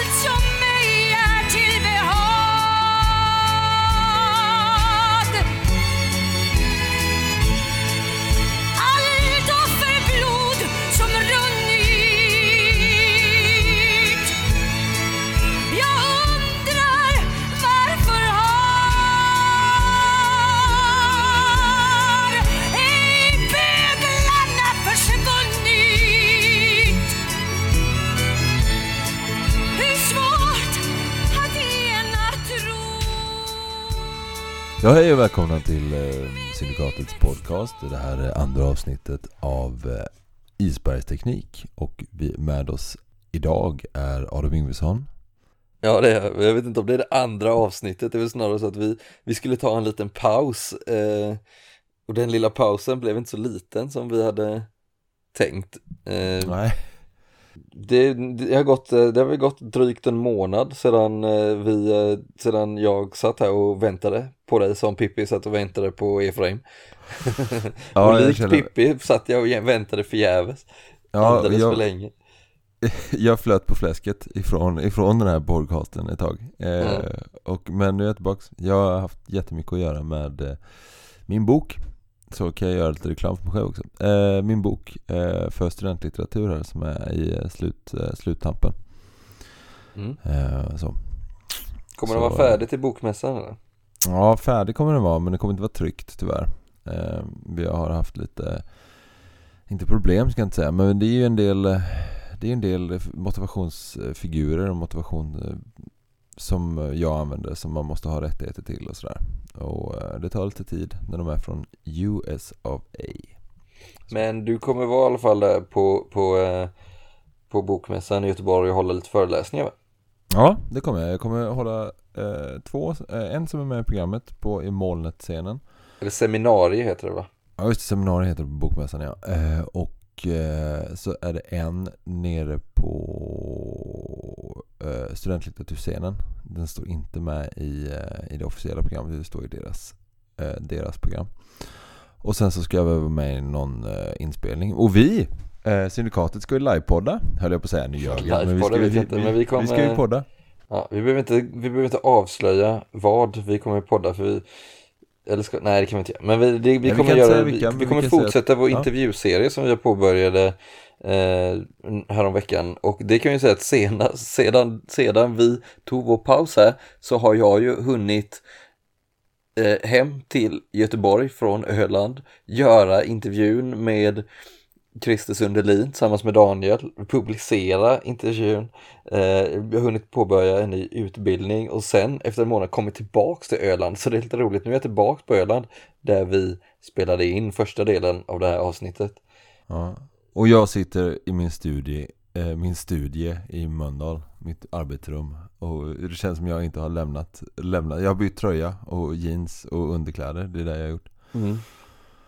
Eh, vad, har, vad, har, vad har vi mer gjort sen senast? Jag har, ja just det, på tal om, eh, på tal om eh, eh, isbergsteknik så, så såg jag Dunkirk, den filmen. Ja, ja! Eh, Jag såg den precis eh, ja, men dagen efter vi spelade in och så tänkte jag men det här, just eftersom vi hade pratat om, om det här med isbergsteknik och gestaltning så slog det mig att nu ska jag vara vaksam i den här filmen då, liksom som jag hade hört en del gott om och se eh, om det är någonting jag kan snappa upp liksom, hur han ska stå med det här i.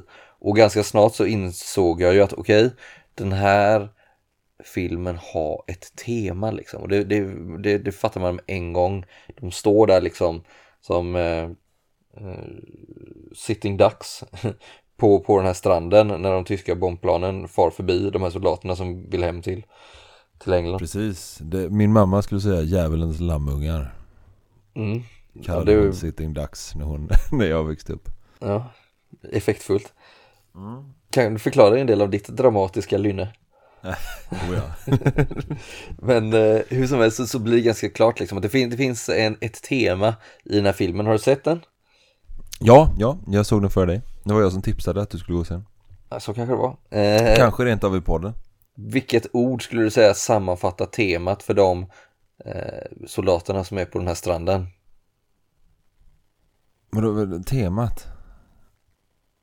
Vilken primal, eh, vad heter det, vilken, vilken känsla skulle du säga speglar soldaternas, Hopplöshet. ja eller rädsla om man ska vara så Ja. pass basal, förstår du vad jag menar?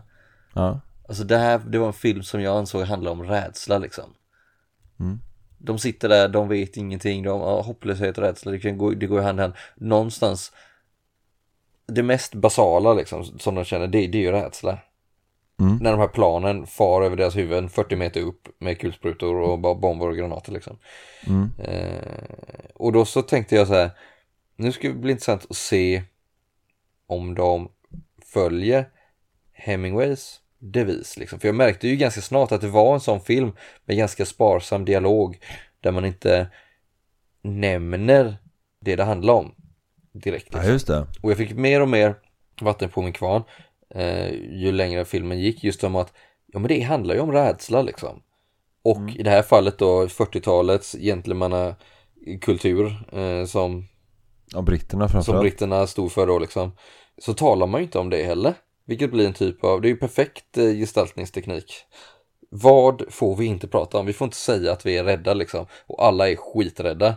Och istället för att glorifiera då de här engelska soldaterna så fick vi ju se rädsla i sin renaste form i den här filmen. Det är rädsla hela tiden. De gör allt för att undkomma döden liksom. Och, och, och jag sitter där liksom och räknar minuterna, räknar timmarna till slut nästan så här. Kommer någon att nämna ordet rädsla? Och det, de gör inte det, det dröjer, men till slut, tyvärr, så nämner de det. För det hade varit så gött om de inte hade gjort det, för då hade de löpt linan ut. Då hade de gjort en hel film utan att nämna det ord som filmen handlar om. Och det är tyvärr, det är en, eh, nu kommer en liten spoiler här då. Eh, Så lyssna inte på 30 sekunder. Det är när de står i den här eh, båten och vattnet stiger, de här soldaterna, och de vill knuffa upp den här fransmannen då. Kommer du ihåg det? Ja, jag minns. Jag minns. Och då är det någon och soldaterna som håller en kort kort monolog som jag inte minns nu men det är någonting om att så här, This is about survival, this is about fear, bla bla bla bla och så säger han en kort kort monolog där liksom och så då kände jag så ah, nu gjorde du ju det du inte behövde vi har ju Mm. förstått det här ändå du, och då kände jag mig lite så här skriven på näsan eh, Mm. som vi pratade om för att allting de hade gjort då, kanske säg att filmen hållit på i en, en och en halv timme vid, det, vid den tidpunkten. Så hade de ju byggt upp det här och vi hade fattat, de hade liksom hamrat det in det i våra huvuden. Att se skräckslagna soldater, men ingen nämner sin rädsla förrän då och då blev det lite så här, ja. Men vad, jag tycker det var en jä- jäkligt bra film. Det finns ju en annan äh, isbergsteknik i eh, Dunkirk. Och det är ju tyskarna. Man får ju aldrig träffa dem eller se dem. Mm, när du menar så. Mm. Eh, Förstår du ja, vad jag menar? man här, pratar ju om hot. Men man Ja. blir liksom, det är ett hot utifrån. Man, man, man förstår att man pratar om, de pratar om tyskar och de får flygblad från tyskar. Men man ser aldrig några tyska soldater. Nej. Som är, det är också liksom en typ av isbergsteknik där du liksom håller den Det finns en Du behöver liksom inte Man förstår det. Man går in med de, med de eh, vetskaperna om att det handlar om det här och det här. Och det behöver inte vara eh, nazister som kommer springande med eh, eh, sina Vad heter det, typiska hjälmar och grå uniformer och allt vad det är liksom.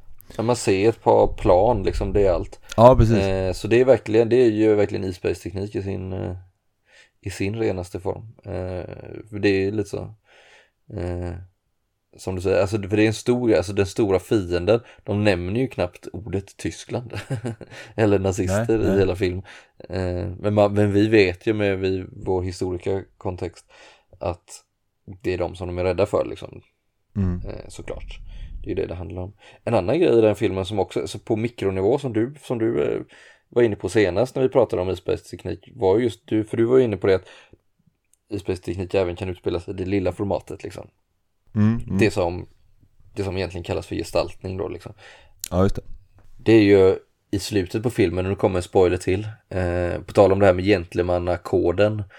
Eh, jag tänker på när pappan och pojken som har kört sin lilla båt hela vägen över där får möjligen när pojken får frågan av den här eh, soldaten som de plockar upp eh, som spelas av eh, Killian Murphy. Just det, din favorit Jag tycker han är god. Eh, som, som frågar då liksom pojken, hur gick det med han som jag råkade knuffa ner där liksom? Is he okay? Och sen så tittar pojken så frågande på sin pappa och vet inte riktigt hur han ska svara. Pappan säger ingenting, sen tittar han tillbaks på Killian Murphy och säger bara "Ah, he will be okay, typ. Eller någonting sånt där. Och så lämnar Killian Murphy rummet och pojken tittar frågande på sin pappa och pappan bara nickar så här liksom. Som att... Och, och så sägs så ingenting sägs där liksom. Det är också suverän isbergsteknik, eller suverän gestaltning, för där förstår man liksom att utan att pappan säger någonting, man förstår liksom att den här pojken är uppfostrad i den här gentlemannakulturen så grundligt liksom, så att han ifrågasätter inte ens pappans vanvettiga idé att åka över kanalen för att hämta hem soldaterna liksom. Eh, Båda två sätter sitt liv på spel för detta. För det här gentlemannaidealet. Eh, och han vet att alltså den här vita lögnen Ja. inför den här soldaten följer också gentlemannakoden. Liksom. Och han, för den här karaktären, hans, hans resa genom filmen, pojken då, var ju liksom så här, kan han leva upp till sin pappas gentlemannaideal egentligen? Och sin stora bror då som hade dött tidigare i kriget. Och där var det slutgiltiga testet, han klarade det, han svarade rätt sak när han ställdes på prov liksom. Filmen är ju ett mandomsprov för honom kan man Mm, säga absolut. Eh, definitivt. Eller i alla fall eh, liksom, eh, han söker inträde in i det brittiska imperiets eh, herrklubb. Eh, allmänna herrklubb. Och eh, lyckas. Jag ska säga bara att en sämre eh, screenwriter hade ju lagt in någonting där. Då hade ju pappan inte bara nickat. Då hade ju han sagt Well done my son, this is how we do it here son." in Britain. We eh, take care of our own and we follow the code. Alltså så hade ju en sämre eh, screenwriter lagt fram det. Mm. Men här behövs inte det liksom. Här, här räcker det med att pappan bara nickar. Precis. Och jag tycker också att det märks, eh, nu ska vi inte fastna i Dunkirk, det Nej. vi får göra, vi får göra en filmpodd också. Men vad heter det att ehm, det, är, det var en brittisk film, eller Nolan är ju britt. Det får man ju aldrig glömma bort. Mm. Och att det känns som att det fanns ett, ett helt, eh, det var en helt annan ton än om man liksom tittar på typ Rädda meningen Ryan eller Tunna röda linjen eller någon annan film som är gjord av en amerikansk regissör. Eh, på just den punkten att eh, och jag, jag blev slagen, och nu ska vi inte jag bekänna färg i den här podden kanske men Jag blev slagen att den här filmen var också ett sätt för Nolan att prata om att Storbritannien också är en del av Europa.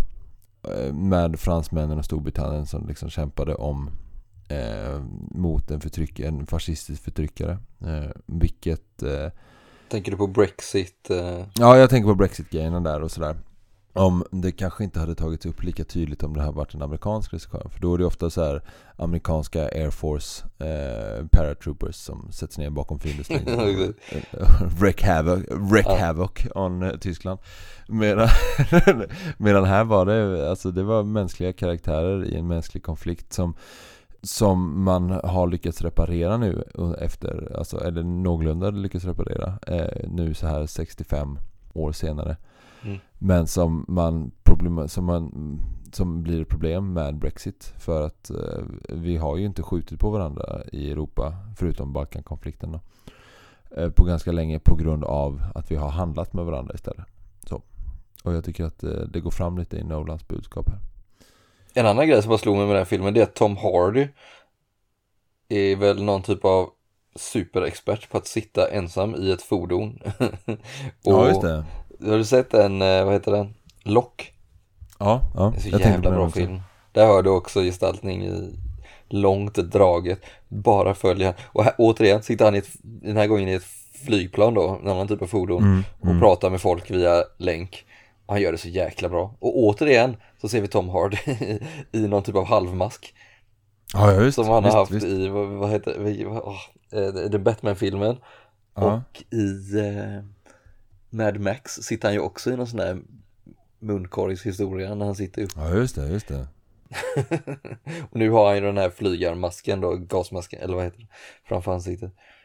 Han är ju expert på att eh, agera med små medel, med bara sina ögon liksom och sin, sin röst. Ja, nej han är, jätte, han är jätteduktig Tom Hardy eh, på många sätt. Men, Men- du, men, nu ja. tycker jag att vi lämnar Ja. Tom Hardy, Ja. Nolan och Dunkirk även om det är jätteintressanta ämnen. Mm. Eh, vi ska ju prata om rollspel ja, just det. eh, och isbergsteknik i rollspel. Vad ska vi börja? Tänker du, har du, något, ska, har du någon ingång sen senast? Vad slutade vi? Ja, vi slutar ju i Pippi Långstrump. på tal om rollspel och sådär. Ja, och sen så någon Aniara-utläggning där. Men eh, Ja, det här kanske är eftersom vi har haft ett så långt break och att vi eh, var tvungna att definiera vad isbergsteknik var när vi liksom satt och pratade om det så är det här ett av kanske vår minst stringenta avsnitt eh, to date. eh, men eh, bear with us, vi försöker. hur kan man använda isberg i rollspel? Det är ju det vi ska prata om. Mm. Men jag vill börja med en antites. Hur kan man inte, eller hur kan vi visa på liksom, istället för att prata om hur folk har gjort så kan vi prata om hur folk inte har gjort. Och jag tycker det är så här, Inte har gjort.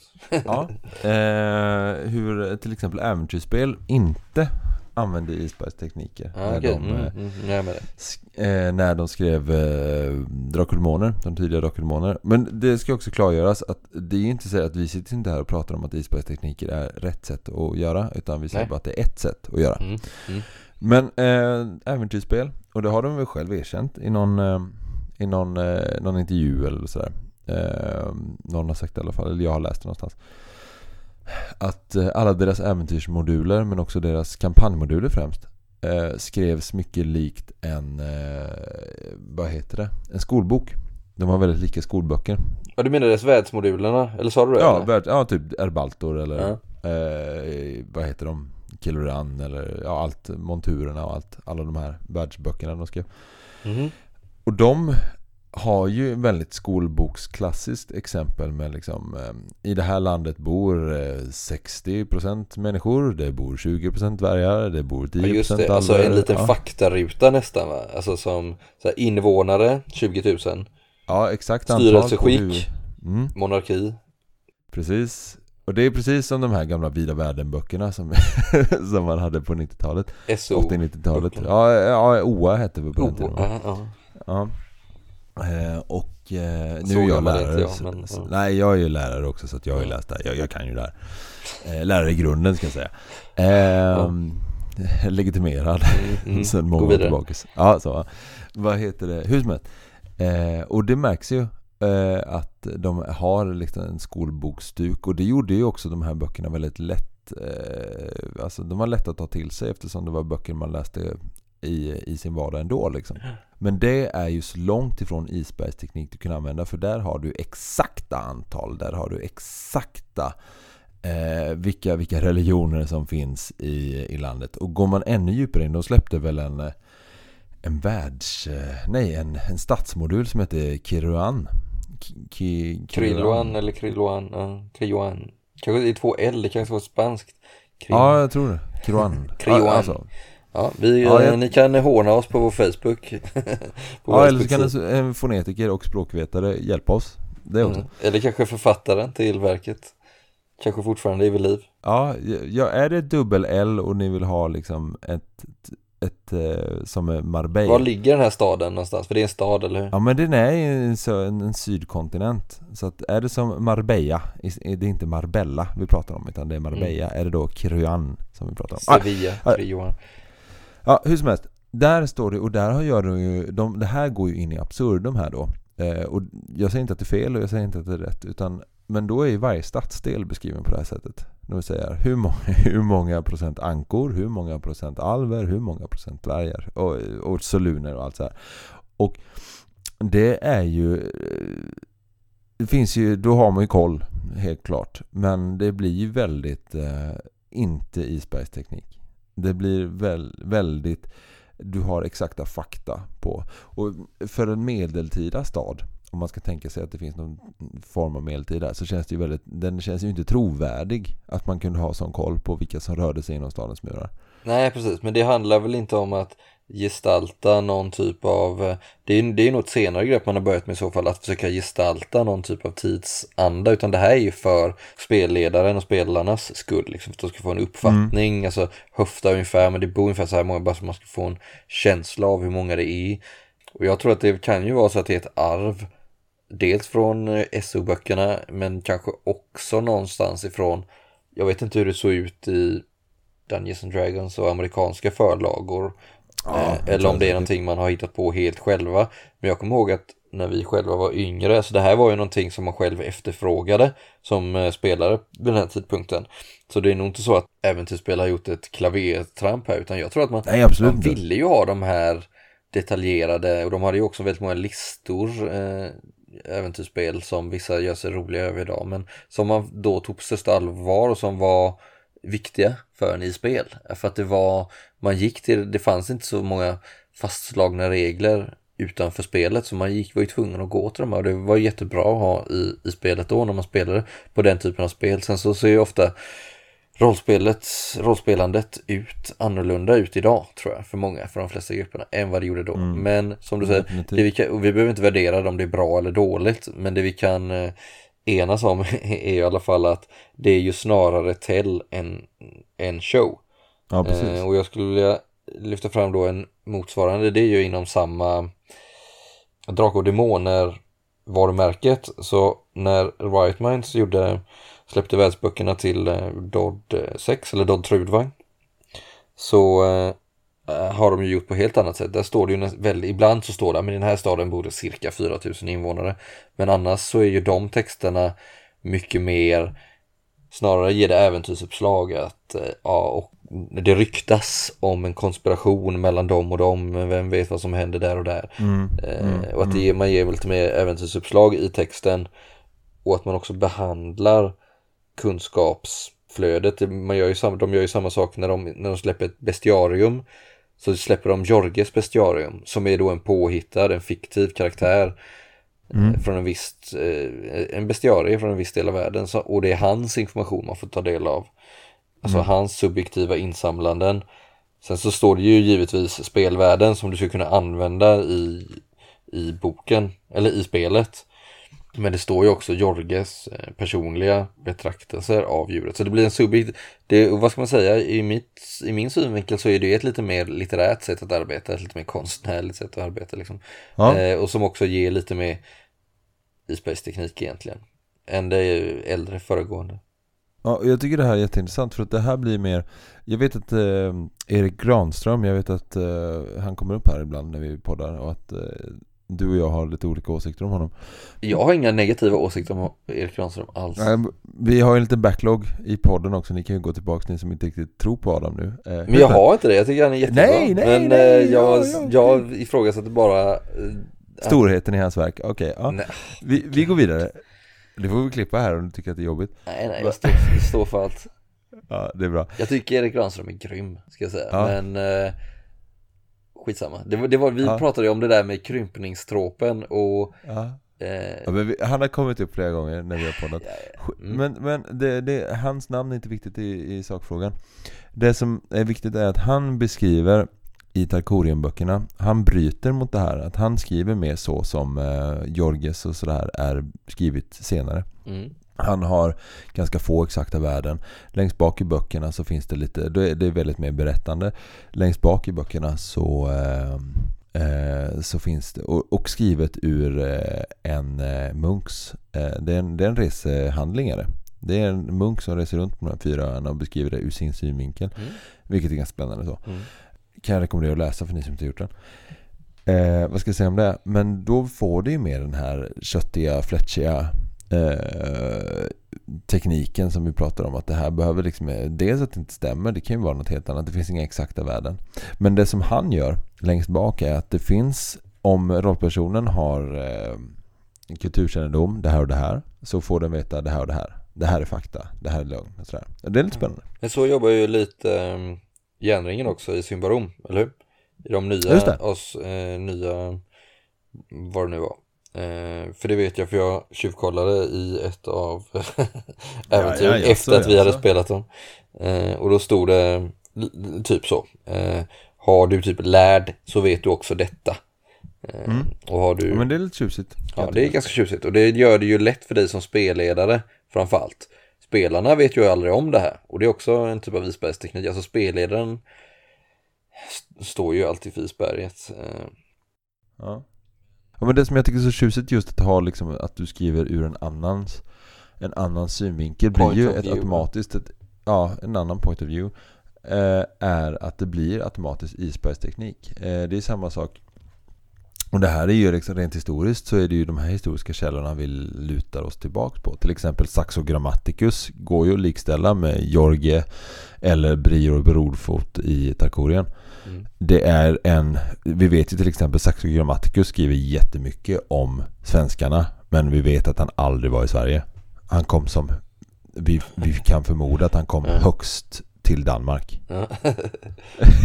Alltså, och skriver jättemycket om det här Hedna-templet i Upps, Uppsala och det är den enda källan vi har. Adam av Bremen var väl en lite liknande figur också. Ja men precis. Nu kanske jag blandar ihop dem så här. Kan i, vara att han du eh, tänkte på. Nej men Saxo skriver ju också. Eh, ja. Det är du som är historikerna, inte jag. Det är jag som är historikern här, men det är också, det är så att jag skrev ju inte min master om Saxo och Adam av Bremen. Men hur som Nej helst. men jag vet att han höll på med någonting och de var något slag utanför någon eh, Något slag utanför Danmark där eller utanför Halland eller någonstans man, Som han hade nämnt och så tänker man var det här Var det här som langobarderna Ja, du tänker på Gistirien eller? Skitsamma, jag vet inte vad det var, det var något sjöslag Ja, Svold. Svolder. ja, Exakt, ja. och det hade han eh, Adam av Bremen nämnt Vad är det som brister min konung? Norge ur ditt grepp. Exakt Ja, det, ja just det. Mm. Det är ju bara rysiga här på andra Ja, men isbergsteknik i rollspel då? Ja, ja men det, det som jag skulle vilja säga är ju Mm. att, vad heter det, man kan ju också göra den här liksom eh, distinkta åtskillnaden mellan Trudvagn och eh, Erbaltor. Mhm. Att man får väl bara utgå från, eh, om man vill ha någon form av trovärdig förklaring till att det finns sådana detaljerade tabeller, Mm. att de har väl mycket, mycket skickligare Notarius Publicus i Erbaltor än vad de har i Trudvang. Ja, men de, ja, det får man väl göra. Men de har, det, är ju, Ja. det gör väl sitt till också att eh, Trudvang ska ju försöka, det representerar ju någon typ av järnåldersvärld där de här typen av värdena inte är lika fastslagna. Alltså det är ingen som vet hur många som bor där liksom. Alltså det är inte så många som bor, vet vem, vem som bor i nästa by typ. Nej, Folkräkningstabeller och sånt där har liksom inte riktigt dykt upp. Nej, det har i- inte kickat än. Nej, eh, i den här tidiga, väldigt tidiga järnåldern får man väl säga. Ehm, nej, och det, men det tycker jag är tjusningen med det. Och det är väl också väldigt tjusningen när man spelar den här eh, MUTANT UA. Nu har inte jag kikat, nu kanske Fria Ligan om ni lyssnar så får jag be så mycket om ursäkt. Jag har inte kikat så mycket på Fria Ligans version av MUTANT. Men eh, Järnringens UA eh, kände jag också att det fanns väldigt mycket isberg. Eh, när man liksom läste, det var väldigt mustigt beskrivet men det, det stod aldrig direkt liksom vad, hur många som arbetar med det här och hur många som gör det här. Utan det var liksom man fick utgå från att det var ganska många som jobbade i fabriken eller manufakturerna liksom. Ja men det är också någonting, det vet jag för jag lånade ju den av dig. Eh, Det är kanske därför du inte har läst den för att jag har haft den hemma hos mig ganska länge. men eh, Jaha, det där är. Ja. Mm. Eh, De jobbar ju ganska mycket med så här små, alltså litterära tekniker där också i den boken. Att de lägger in små texter där folk berättar, olika zonfaror och sånt berättar om vad som händer i olika delar av världen. Eh, absolut, det går jag absolut med på. Hela det världsbygget är ganska isbergsteknik baserat. Och det är ju någonting som är så väldigt viktigt om man spelar i ett spel som utspelar sig efter en informationsålder. Förstår du vad jag menar? Så som det gör då får man väl utgå ifrån. Att det finns väldigt mycket rykten, det finns väldigt mycket eh, olika sätt att se på världen och liksom Postapokalyps har ju en förmåga att kunna lägga fram isbergsteknik på ett helt annat sätt eftersom då kan det vara en hörsägen lika mycket som det är någonting annat. Ja. Eh, det skulle jag också vilja säga att eh, Erbaltor, boxen och också boken är ju beskriven lite med, det finns isbergstekniken där i också. Mm. Eh, själva liksom de in, informerande texterna är väldigt eh, skolboksexempel medan längst bak i varje landskapitel i Erbaltor så finns det fyra hörsägner eh, från, jag tror att det är en köpman, en riddare, en tjuv och eh, en magiker kanske. Nu, nu, nu kommer Mm. säkert någon så här Erbaltor eh, fantast slå oss på fingrarna här. Men jag har inga böcker framför mig. Mm. Utan, ja, ja. Eh, och där fick man då liksom höra berättelser från landet. Och där som var helt så här, eh, det stod aldrig om det var fakta eller om det var fiktion från.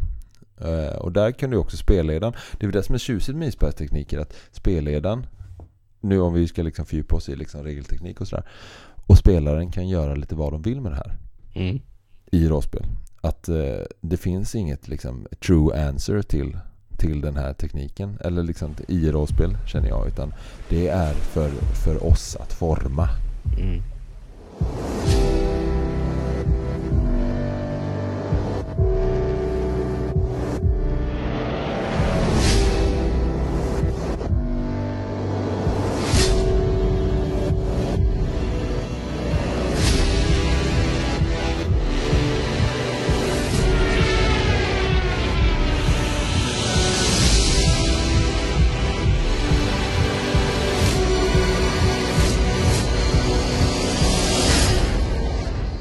Gör man då för att forma det rent konkret?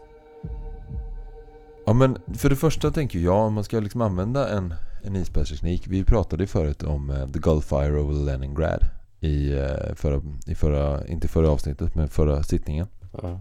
Och det är ju om den skulle komma upp i ett rollspel s- runt bordet så att säga. Eh, obeskrivet eh, i kanske de här stora världsmodulerna eller sådär.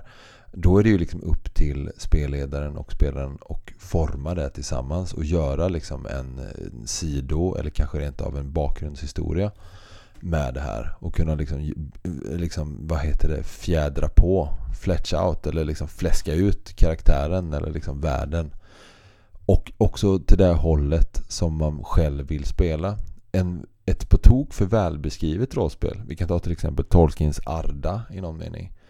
Det är ju inte, eller ja det finns andra rollspel, eh, svenska rollspel som är liksom lite för välbeskrivna. Och då har man ju inte det här utrymmet att göra sin grej av det. Förstår du vad jag menar? Mm. Och därför blir ju is- isbergstekniker så oerhört viktigt i rollspel också. Att det är beskrivet men inte så pass beskrivet så att jag känner att det inte finns någonting för mig själv att utveckla. Jag har en fråga till dig, på tal om det du säger där.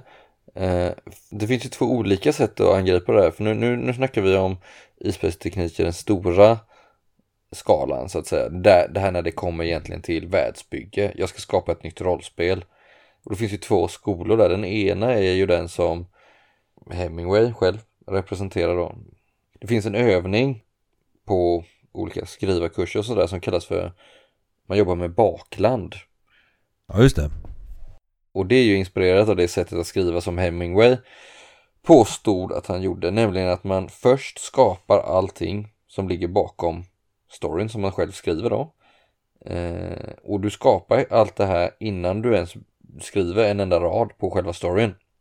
Det fin- Det finns en myt om Hemingway som handlar om att han jobbade just så, liksom, att han skapade, lärde sig all bakomliggande fakta till punkt och pricka liksom, så han kunde allting om en karaktär eller om en plats eh, och alldeles historik. Och det här kunde ta god tid liksom. Och först Ja, han skrev ju inte så många böcker, eller hur? Nej, han skrev en del. Men hur som helst, först därefter så skrev han själva storyn, sin roman eller sin novell liksom. Så vet inte jag om det är sant liksom. Eh, Och det här sättet är ju ganska likt det som många spelledare eller spelkonstruktörer eh, går tillväga när de skapar sin world, när man gör sin word building liksom. Som många tycker är den roligaste delen med rollspel. I alla fall spelare, men många spelledare tycker ju det liksom. Att, Ja, oss inkluderat ska vi säga. Ja, vi tycker ju det också. Att det är en jätterolig grej av själva ro- rollspelshobbyn. Och det är ju många rollspelskonstruktörers par- paradgren att jobba med ett bakland. Skillnaden dock mellan oss, eller mellan en random SL och Hemingway, är ju att han sen inte tillät sig själv att skriva någonting om själva baklandet eh, i sin story. För det var det som utgjorde isberget sen liksom. Eh, Och den andra skolan är ju då kanske att man jobbar åt andra hållet. Att man, ja, alltså att man gör isberget åt sig själv. Att man själv börjar lite på samma sida som spelarna. Att man själv då som spelledare eller konstruktör inte heller tillåter sig att veta så mycket om världen. Utan man kanske själv också bara ger sig små hintar och så får man ta upp dem eh, i ett senare skede. Och det finns ju för och nackdelar med båda. Men förstår du vad jag menar? Vad vad, vilka skillnader jag gör? Den ena bygger på att du själv vet allting, men du utelämnar allting. Eh, och den andra bygger på att du själv vet lika lite som spelarna. Men du har slängt ut lite trådar här och var liksom. Ja men jag tänker så här, alltså när, alltså när jag kollar på berättartekniker och så här, då finns det ju ofta så här. Det finns ju olika sätt, det finns ju jättemånga olika berättartekniker. Eh, Men det som man kan prata om är ju liksom så här ett fast narrativ, ett löst narrativ eller liksom ett, en storyline liksom.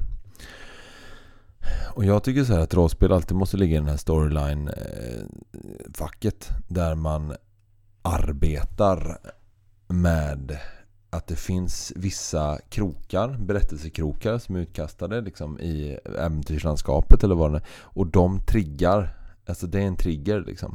Eh, som gör att det händer någonting. Man, man triggar den triggern och sen så händer det någonting annat som liksom eh, gör effekter på världen. Eller effekter på äventyrslandskapet ska vi säga kanske. Eller på äventyret eller på karaktärerna som gör att liksom allting utvecklas liksom.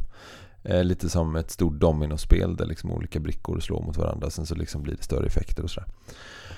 Och det, det förutsätter ju någonstans att lika väl att det finns en, liksom en tydlig bakgrundshistoria, vilka, vad är det som kommer påverka vad, så måste det också finnas ett spelrum för när, när spelarna rör sig åt ett håll som spelledaren inte har tänkt på. Mm, bra poäng. Men det ger väldigt bra poäng, men du svarar inte riktigt på min fråga. Nej. Nej. Men det ger väldigt bra poäng. Jo, det gör du på sätt och vis. Men det jag menar, vad, vad, nu, jag ställer eh, ja och nej fråga och du säger kanske. Kan man säga. För jag, vad, vad föredrar du? Eller vad tycker du är rätt sätt att, säga att du är en world builder. Det, vi, vi sitter ju och skapar en rollspelsvärld till ett spel som vi kallar för 1999. Eh, eller säg, säg så här, när du själv är spelare eller om du är spelledare, eh, spelledare eller spelare och du tar dig an ett nytt spel. Hur, hur ser du då på det? Alltså att du tar dig an eh, exempelvis Symbarom som du faktiskt det nu då. Ja. Vill du eller önskar du att den stora gåtan med det spelet och hela settingen, att det finns färdigskriven eller en klar bild hos, hos konstruktören? Eller vill du att den ska vara öppen även för dem? Nej men jag vill ju någonstans att det finns liksom att det finns, alltså det man eh, pratar om metaplotten, att den bör ju vara liksom så jävla tight och välsvarvad så att den eh, liksom, och eh, vi pratar inte längre liksom 12 24 utan vi pratar liksom 38 sandpapper liksom. Det är så, den är liksom så pass strömlinjeformad. Men, Sandpappersmetaforen, eh, sällan använd men eh, ja du ja men vi har ju ändå varit inne i OE-böckerna så varför inte? fortsätter på det inslagna skolspåret. Ja men eh, någonting som, som någonting, som, nå, Sandpapper, oh my god. någonting som vi alla delar även om vi, eh, vad vi är idag är ju att alla har gått Delar vi liksom, sandpapper? grundskolan och hållit i sandpapper i på träslöjden, det tror jag Jag kom faktiskt tänka på att jag använde faktiskt sandpapper själv som en metafor i, eh, när jag spelade, eh, spelade eh, Trudvang. mm. Eh, Det här är alltså redan inspelat för er som kommer lyssna på vår Trudvang-kampanj. Eh, när jag spelade lite solo med Erik. Efter det här vet jag inte om någon kommer lyssna Nej, sant. Hur som helst. ehm, Hur som helst, vad, var, vad var din svar? Vad var ditt ja svar? men att den metaplotten kan vara liksom hur jävla välsvarvad och liksom väl eh, liksom strömlinjeformad som helst liksom. Det är den Men se det som en filé i en st- i stort köttstycke Att liksom den här, sen så det här köttet som är runt den här filén Det får liksom, det är upp till spelarna att bygga och, och med internet idag så kan man ju liksom bygga det här hur mycket som helst. Det ska finnas, det ska finnas revben att hänga upp det här köttet på liksom. Det ska finnas liksom en ryggrad. Men det måste ju liksom, att det, allt det här köttiga liksom om det är fett eller om det är brosk eller om det är senor eller om det är liksom Långtgående metafor, ja. muskler så är, det, så är det spelarna och spelledaren och kanske forumiter som bygger det. Men det måste finnas Mm. ett skelett att hänga upp det på. Okej. Så med andra ord så behöver man som rollspelskonstruktör i din mening, du behöver inte kunna allting när du lämnar över det till spelarna. Med andra ord. Du ska ju kunna det du ska kunna så att säga.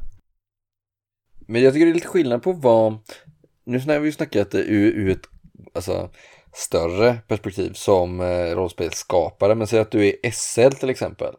Så kan ju jag tycka att förberedelser är A och O för den SL som vill skapa ett imponerande isberg. Mm. Ja men, Så jag menar, oavsett om det innebär mycket skrivande själv eller mycket inläsning på befintligt material.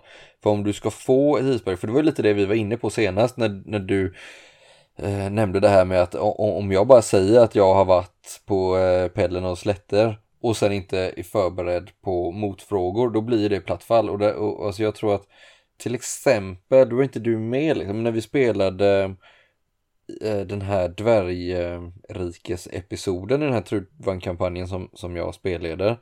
Eh, som, som är ett omskrivet forumäventyr från gamla forumet på Right Minds sida. Okej. Det så kallades eh, Fradkov. Jag tror att det äventyret heter Stenhjärta och var någon eh, underjordisk version av Vildhjärta.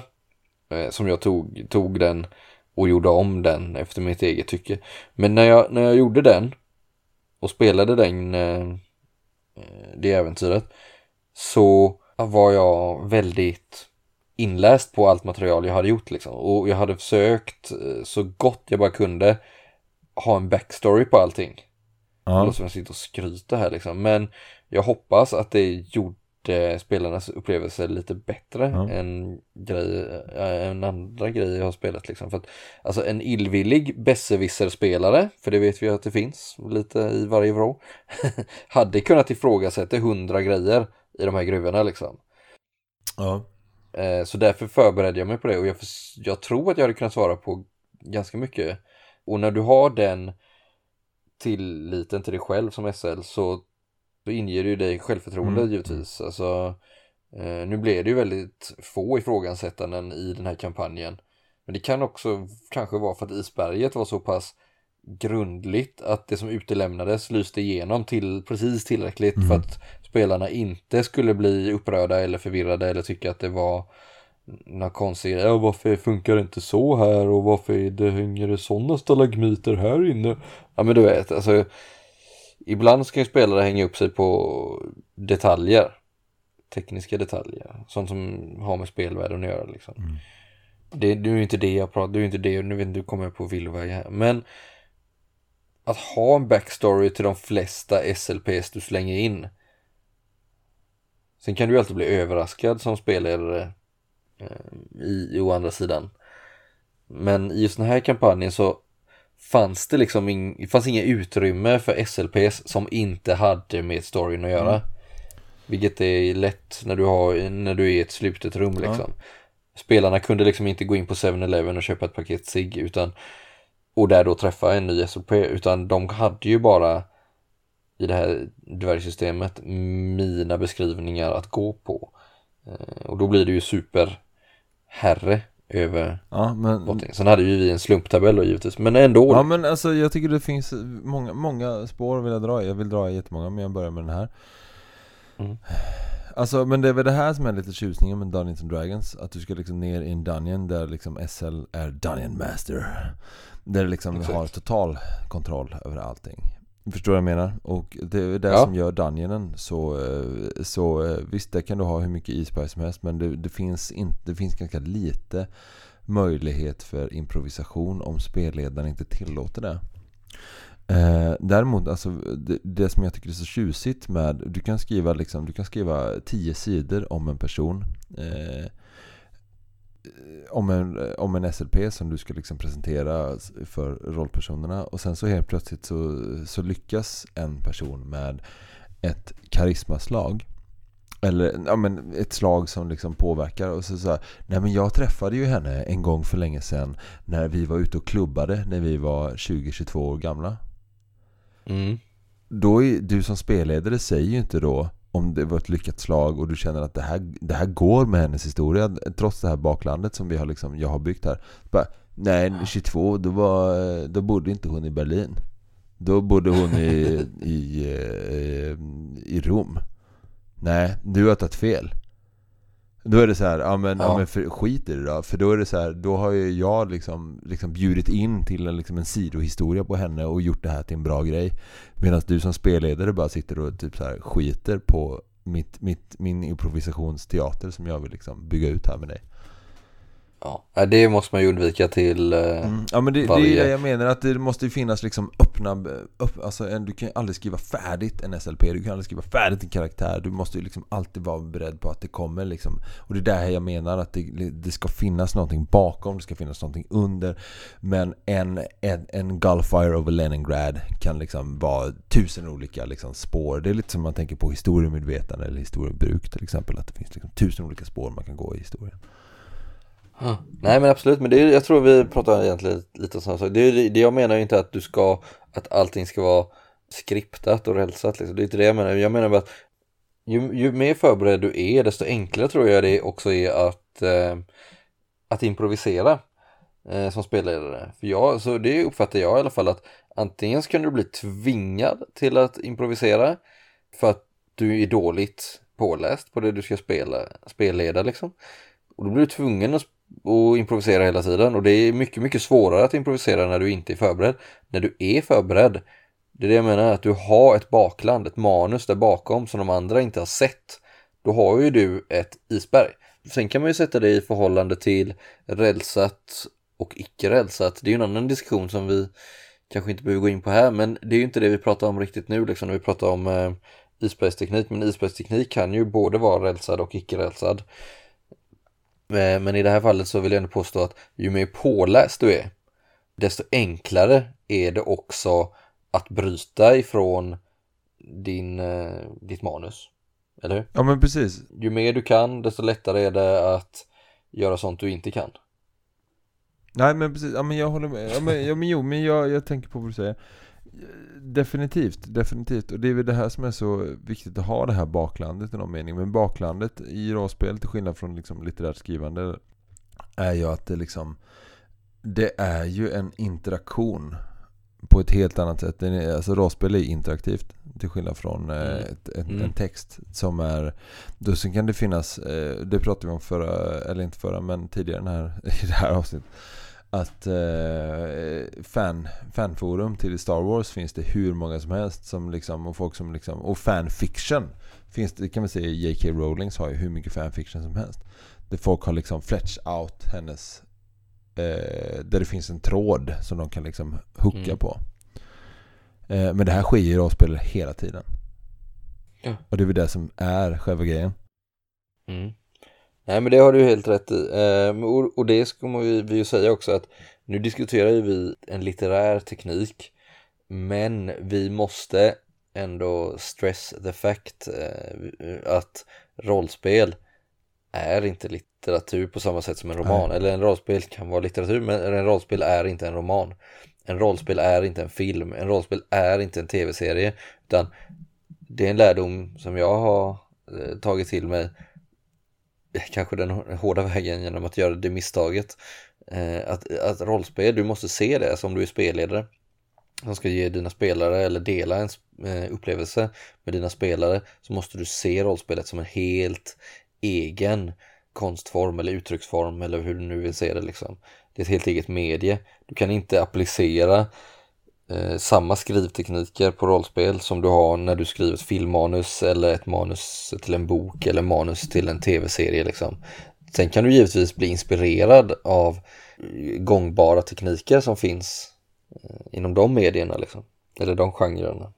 Men du måste se rollspel som en egen, annars blir det lätt att man tänker att ja men okej nu ska jag följa den här trestegsraketen och då blir det jättebra. Man måste ju alltid tänka spelmöte för spelmöte. Hur ska det här spelmötet bli kul?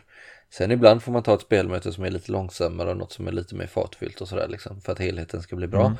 Men du kan inte eh, och det hoppas jag att våra lyssnare förs- förstår att vi förstår. Du kan inte bara applicera en litterär teknik på eh, rollspel och det ska bara flyga liksom. Nej, definitivt inte. Eh, en annan sak som jag tycker är så här. Jag har ju en fot i, eller hade i alla fall en fot i eh, levande dragspel för många herrans år sedan.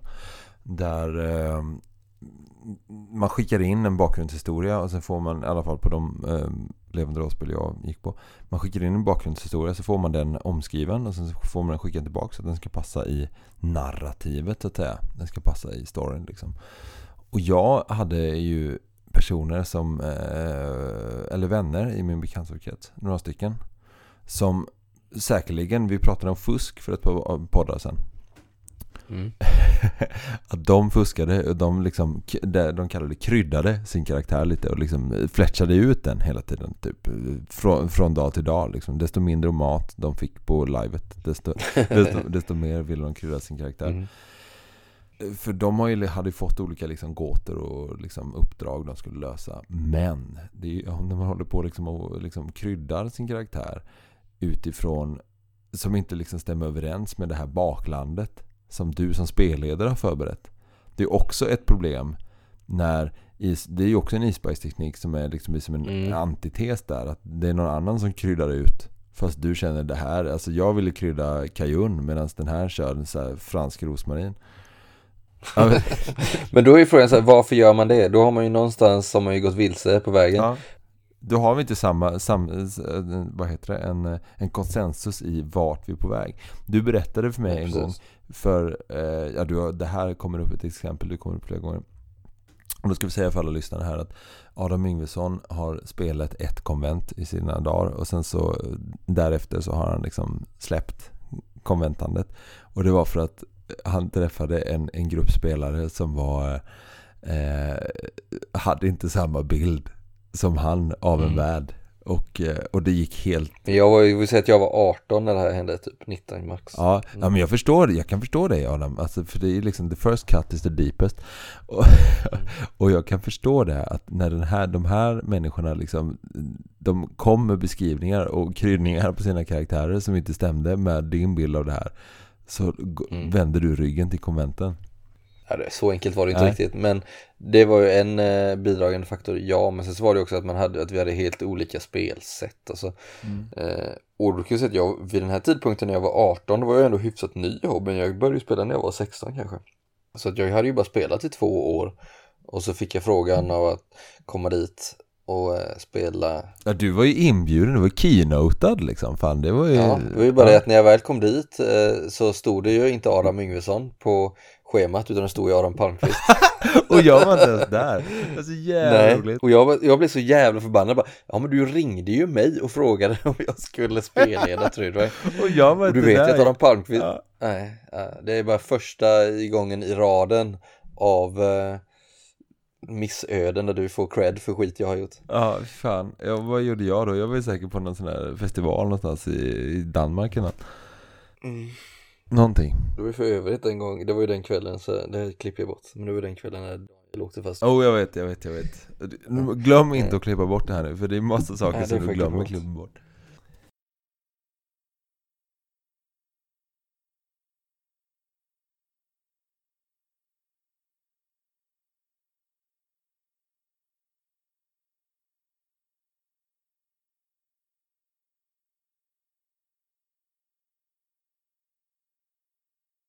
Men utöver det här med, att, med spelvärld och att vara spelledare så tycker jag vi måste gå in på, nu har vi pratat en timme, men vi måste ändå gå in på, Vi har ganska trevligt.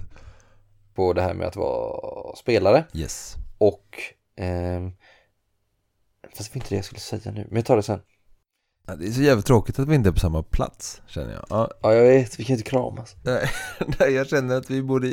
Ja, men utöver det här med spelvärld så får vi, vi måste gå in lite mer på detalj här känner jag. Som SL har jag nog använt mig av isbergsteknik mest när det kommer till gestaltning. Och då, då snackar jag alltså om gestaltning, alltså som är isbergsteknik i direktform. Det är lite det här du, som du pratade om senast.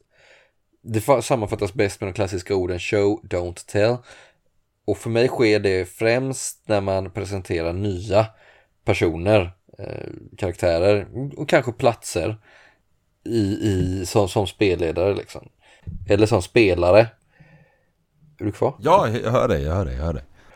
Och jag tror att många som skapar mysterieäventyr eller whodunit-äventyr, alltså mordgåtor, eh, jobbar med detta utan att tänka på det. Eftersom teknikerna liknar varandra. För att det handlar, båda handlar om att dölja men att ändå ge ledtrådar. Är du med på vad jag pratar om eller? Ja. Det är ju lite det du har varit inne på också. Och det här gjorde jag mycket mer nitiskt för några år sedan. Eh, efter att jag hade gått på Skurups eh, folkhögskola. Eh, idag brukar jag vara lite mer lat. Bara för att budskapet ska gå fram. Alltså det är inte alltid lika viktigt att göra en litterärt hög eh, fungerande beskrivning som att få ett roligt spelmöte. Jag kan till exempel säga till mina spelare om det är så att deras rollperson är lite människokännare säga att ja men den här SLPn han, det, det är, han är något av ett original. Eh, samtidigt som jag beskriver SLPs beteende då och kanske även spela ut det. Men mest för att spelarna inte ska tro att de har gjort något fel då liksom. Så att, ja, men, mm, att de pratar med en figur som är ganska udda. Men att bara för att de inte ska tro att de har förnärmat personen i fråga så kanske jag säger det liksom. Ja, men han, han verkar vara lite av ett original.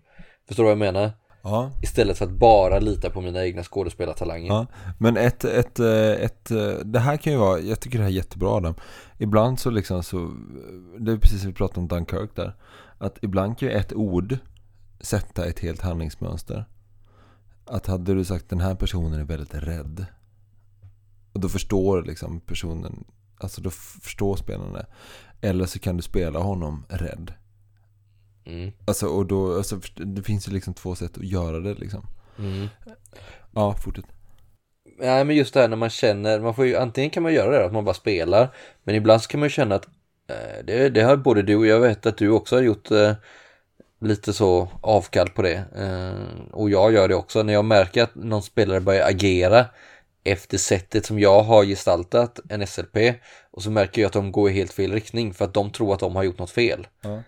Fast de egentligen inte har gjort det. Och då blir det så att okej om de fortsätter gå på det här spelet nu eller på det här spåret nu så kommer de missa, då kommer de gå helt fel riktning. Och det beror inte på det beror bara på att jag har lett dem vilse genom mitt dåliga, eh, mitt dåliga skådespeleri. Så då kan jag gå in och säga så här, alltså han, han menar, alltså, han, han verkar inte vara aggressiv. Utan han sa bara snygga skor och han verkade mena att du har snygga skor. Du vet, Ja, så att det inte blir, så att man inte har ihjäl eh, liksom någon viktig person första spelmötet bara för att han har sagt att du har snygga skor och du tror att han hånar dig liksom. Och det är det här som är så tjusigt med eh, rollspelet eh, i någon mening. Att i ett tv-spel, eller liksom ett digitalt spel, då är ju ofta de här karaktärerna, om, eh, ja men nu blir jag förbannad på honom, nu försöker jag skjuta honom, eller henne, eller hen ska vi säga. Eh, Mm. Men då helt plötsligt så, eh, då kan du inte skjuta personen i fråga på grund av att den är fredad. Eh, men i ett Mm. rollspel så tycker inte jag om att säga det. Att nej men ni kan inte slå ihjäl den här personen på grund av att den har en nyckelroll senare. Utan då försöker den släta över det på ett helt annat sätt. Ja, I precis. och med att den har en viktig roll och att den liksom försöker my med tillmötesgå. Det är precis som i, i, eh, ja, men i verkligheten eller sådär. Men det, det är en väldigt intressant grej som eh, kanske inte riktigt har med det här ämnet att göra. Men just det där med att om du har en viktig karaktär, eh, spelledarkaraktär liksom, som hamnar i onåd med rollpersonen väldigt tidigt fast den egentligen fast den egentligen är menat att vara någon typ av hjälpare. Hur man kan... Jag tycker ju ändå att spelet ska vara så pass dynamiskt att om spelaren om spelarna bestämmer sig för att ha ihjäl en väldigt viktig person av någon anledning så ska de också kunna ha det. Du kan till en viss gräns kan du motverka det som spelledare. Men om de bestämmer sig för att Nej, men jag skjuter den här personen i huvudet liksom, första scenen. Ja, då får han väl göra det och så får man väl skriva om äventyret lite Precis, då. precis. Eh, för att annars blir det ju det är jätteviktigt att du som spelare känner att du kan påverka världen som du spelar i. Om du inte kan det, om du alltid kan, om du säger fredade karaktärer och sådär i, i tv-spel. Då, då kan jag känna att det är inte det man vill ha när du, är, när du spelar ett rollspel utan du vill vara i en levande värld där dina handlingar faktiskt spelar roll. Ja men verkligen så att du känner att du kan få ett... eh, Du bygger ju ditt narrativ i någon mening. Är du liksom jävligt sur på Ville Vessla i ditt Ture Sventon eh, liksom upplägg där. så då ska du ju såklart kunna liksom skjuta av eh, Ville Vessla men då kanske Ville Vesslo kommer istället. Alltså förstår du vad jag menar? Liksom. Ja. Det blir lite så. Eller om man har en ambitiös spelare så skriver en helt ny karaktär till det här. Fast ändå si- besitter den här situationen, eh, vad heter det, informationen på ett annat sätt.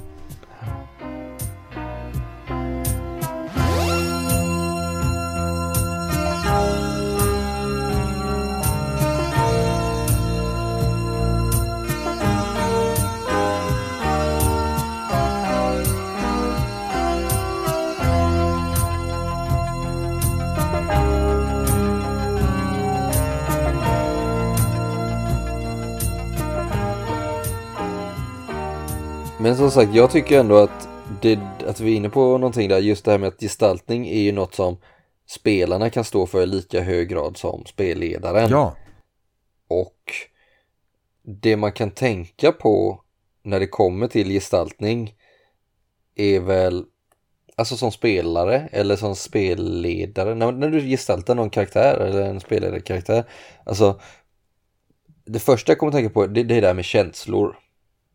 Att säga, antingen kan du bara säga, men nu, nu blir jag arg.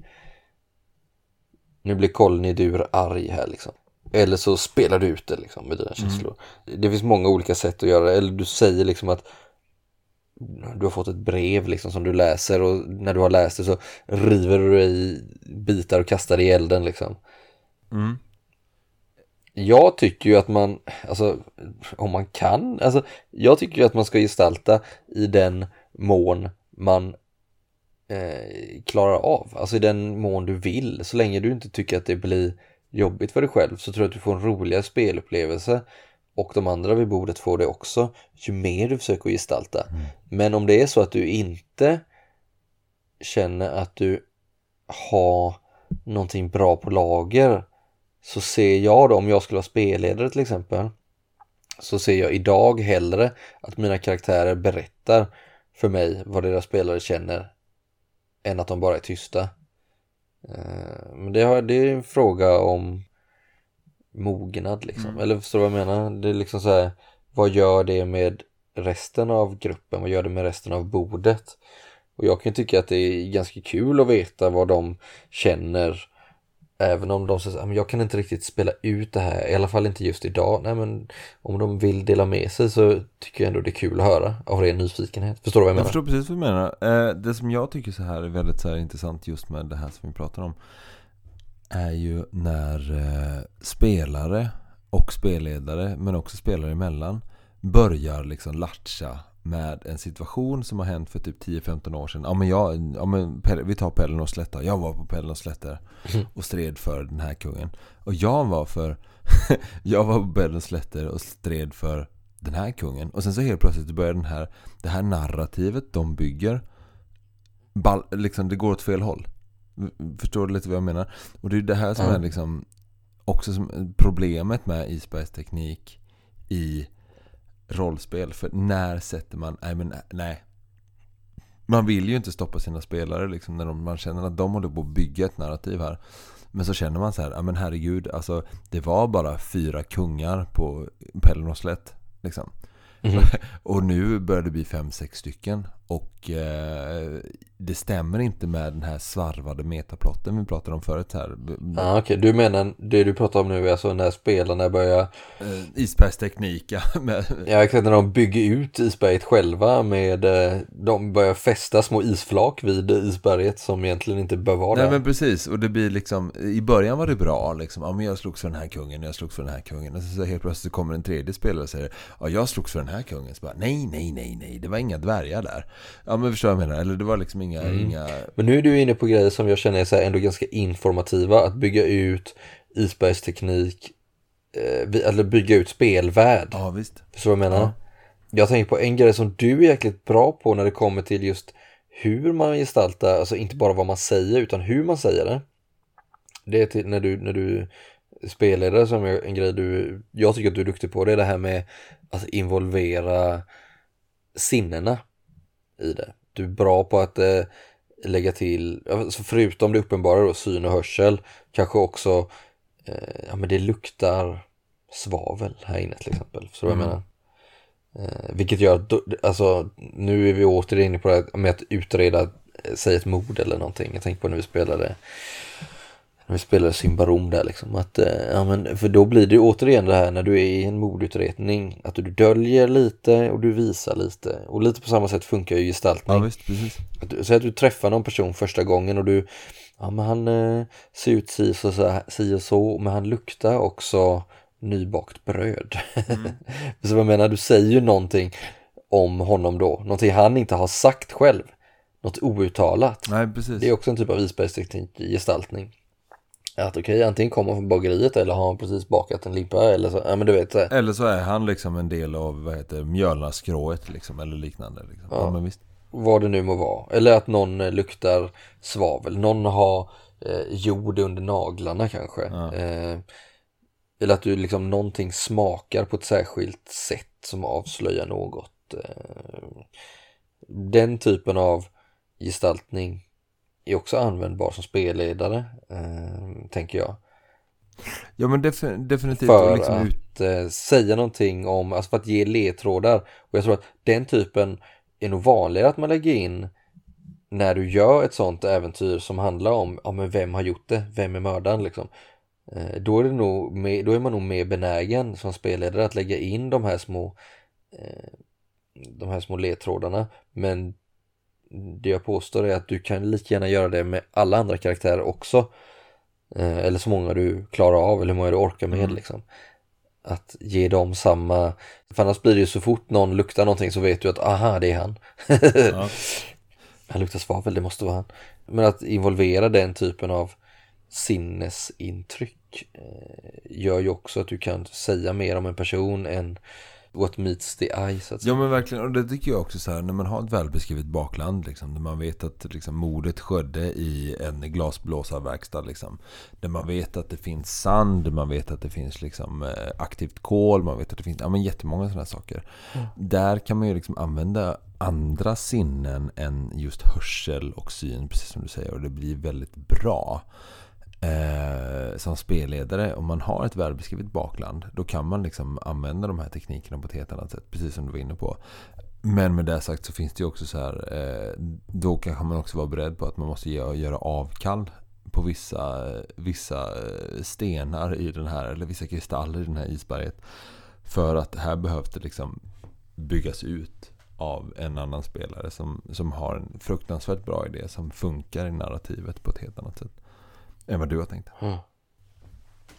Men har du något exempel på något liknande Adam? Alltså jag kom, eh, som spelledare så kommer jag tänka på en grej som vi gjorde jag, Daniel och Simon när vi spelade Syndafloden. Eh, som är vårt egen komponerade rollspel. Poddar ni det eller? Ja, vi har spelat in, vi har spelat, gjort två avsnitt. Det är bara det att ett spelade vi in typ i december och det andra kanske i mars och nu har vi inte spelat in mer. Men det kommer vi göra, det, vi kommer podda det. Eh, och det var ju när de skulle, de spelade ju två eh, utredare av något slag utan att spoila för mycket här då. Och de skulle in i någons lägenhet. Och då slog det mig när jag förberedde mig för det här då. Eh, jag visste inte om, om de skulle göra det eller inte för att det är inte uppbyggt på samma sätt som vi brukar spela annars utan det är ganska mycket improvisatoriskt och sådär liksom. Men lite hade jag förberett mig i alla fall. Och då skulle de ju in i en lägenhet där då liksom. Och då, då blir, där har du ju verkligen ett typexempel på gestaltning och isberg i mikroformat liksom. Hur kan jag beskriva den här personen genom att beskriva hans hem? Och nu ska jag ju inte, eftersom vi kommer släppa det här som podd behöver jag inte gå in på det, men det är ett sånt typexempel också. Och det, det blev, blev väldigt påtagligt där. Mm. Eh, och då beskrev jag, men han Ja men en rökare har ju liksom, liksom äh, fimpar och, ja men du, alltså förstår jag vad jag menar? Liksom. Ja exakt, eller han har den här typen av möbler. Har, alltså det blir så, eh, alltså som vanlig skrivare, så, så som författare eller skrivare så blir det ju väldigt påtagligt. Då ställer du ju sådana frågor till dig själv hela tiden liksom. Men i rollspel gör du inte det lika ofta och det blir lätt att du hemfaller antingen åt klichéer eller åt en grå beskrivning där ingenting händer. Liksom så här, men du kommer in i en lägenhet, okej vad händer? Och där är det också viktigt att vara förberedd eller vara oerhört snabb i tanken.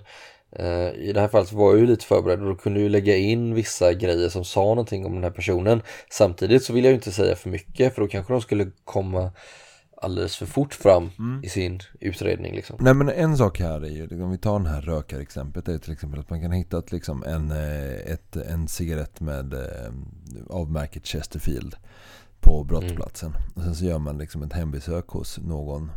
Eh, och där hittar man ett askfat ute på balkongen där det bland annat finns Chesterfield men också blåa Blend. Om man gör ett eh, äventyr som utspelar sig på 90-talet då såklart. I Sverige. Eh, och där, där använder ju en form av liksom isbergsteknik. När du använder så här, okej men det, uppenbarligen så finns det någon, det finns en en eh, korrelation här mellan i alla fall cigarettmärkena men vi, vi ser fortfarande inte kausaliteten. Och det här är ju liksom någonting som är väldigt tjusigt för det kan ju vara vem som helst som röker Chesterfield liksom. Mm. Ja, precis. Det var eh, exakt något sånt var försiggick i somras i något Morden i midsommar avsnitt som vi satt och kollade på här, i, här hemma på Öland. Ja, ja men det vet jag att ni, det vet jag att ni gör ofta när, ni, när du är där. Ja. Ja, det berättade jag ju senast. Ja.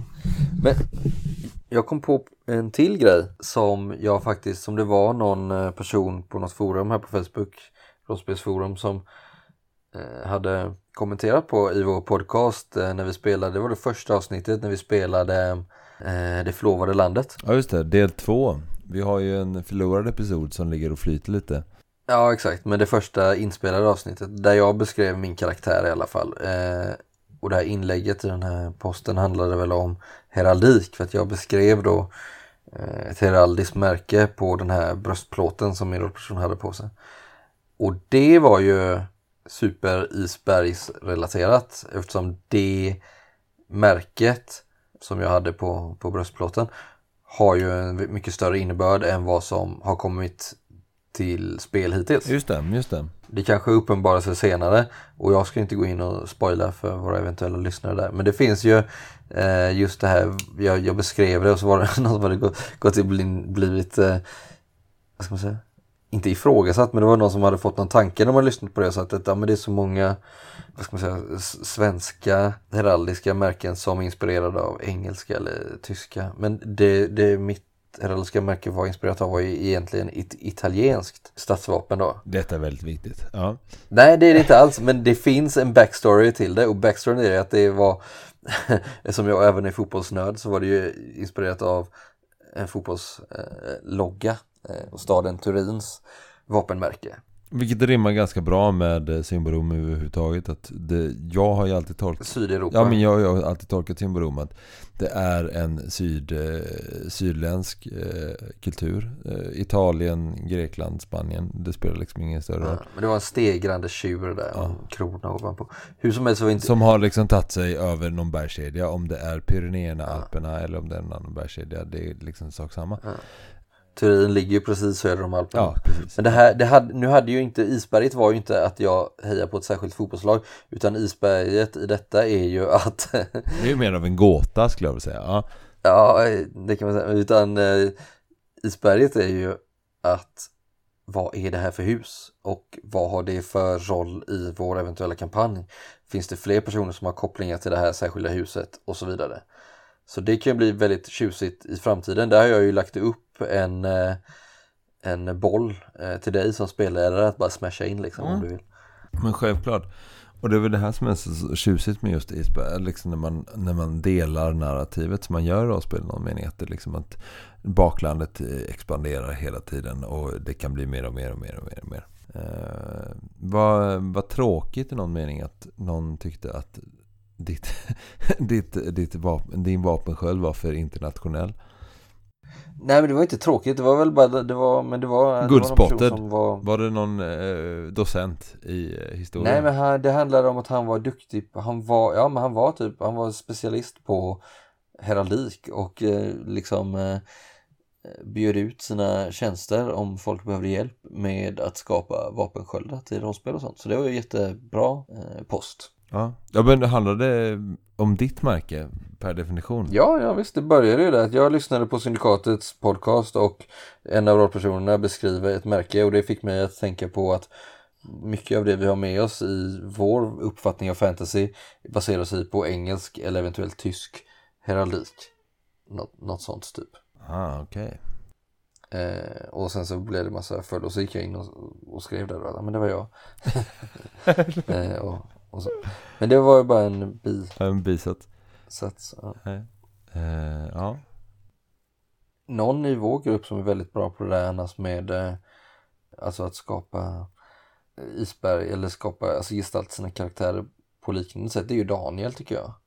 ja, men självklart. Han är jätteduktig på att ha, ha en...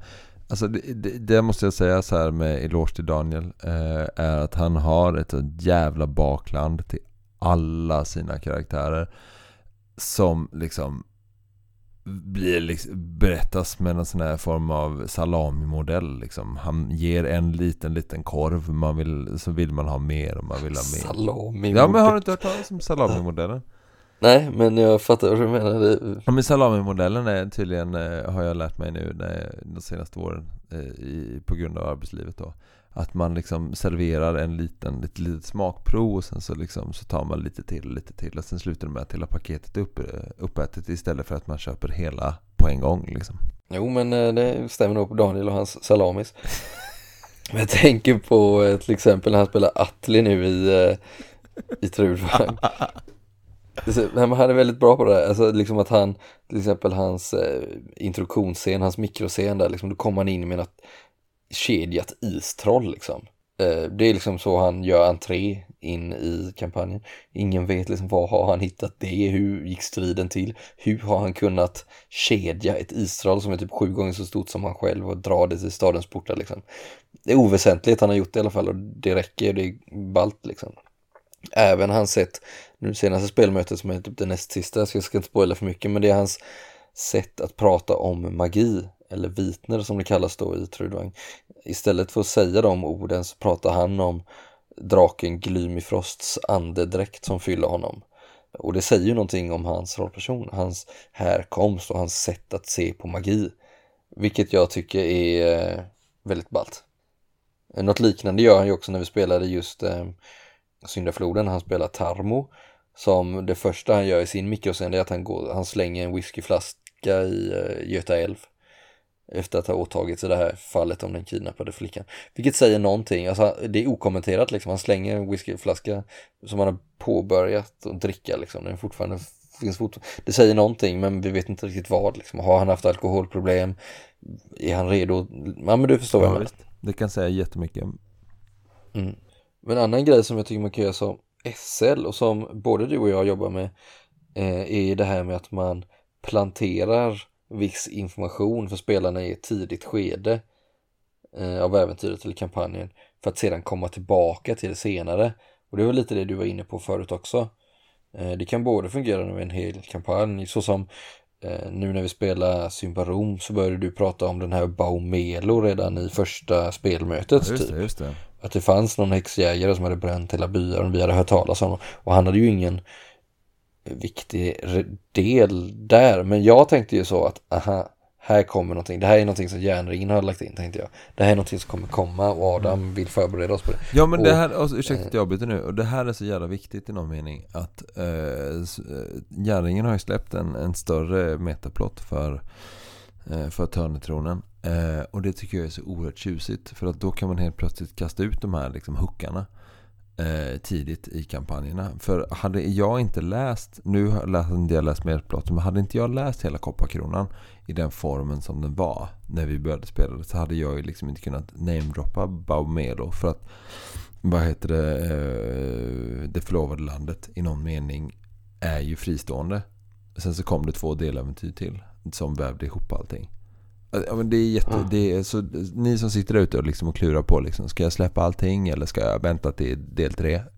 Fan, vänta inte, vad i helvete liksom. Vi kör liksom. KBK, kör bara, kör. Mm. Absolut. Men det blir, det blir väldigt häftigt. Det, det, effekten av, av en sån sak blir liksom att eh, och det är ju relaterat på, till isberg på så vis att du inte ser det först eh, men du kanske ser det sen.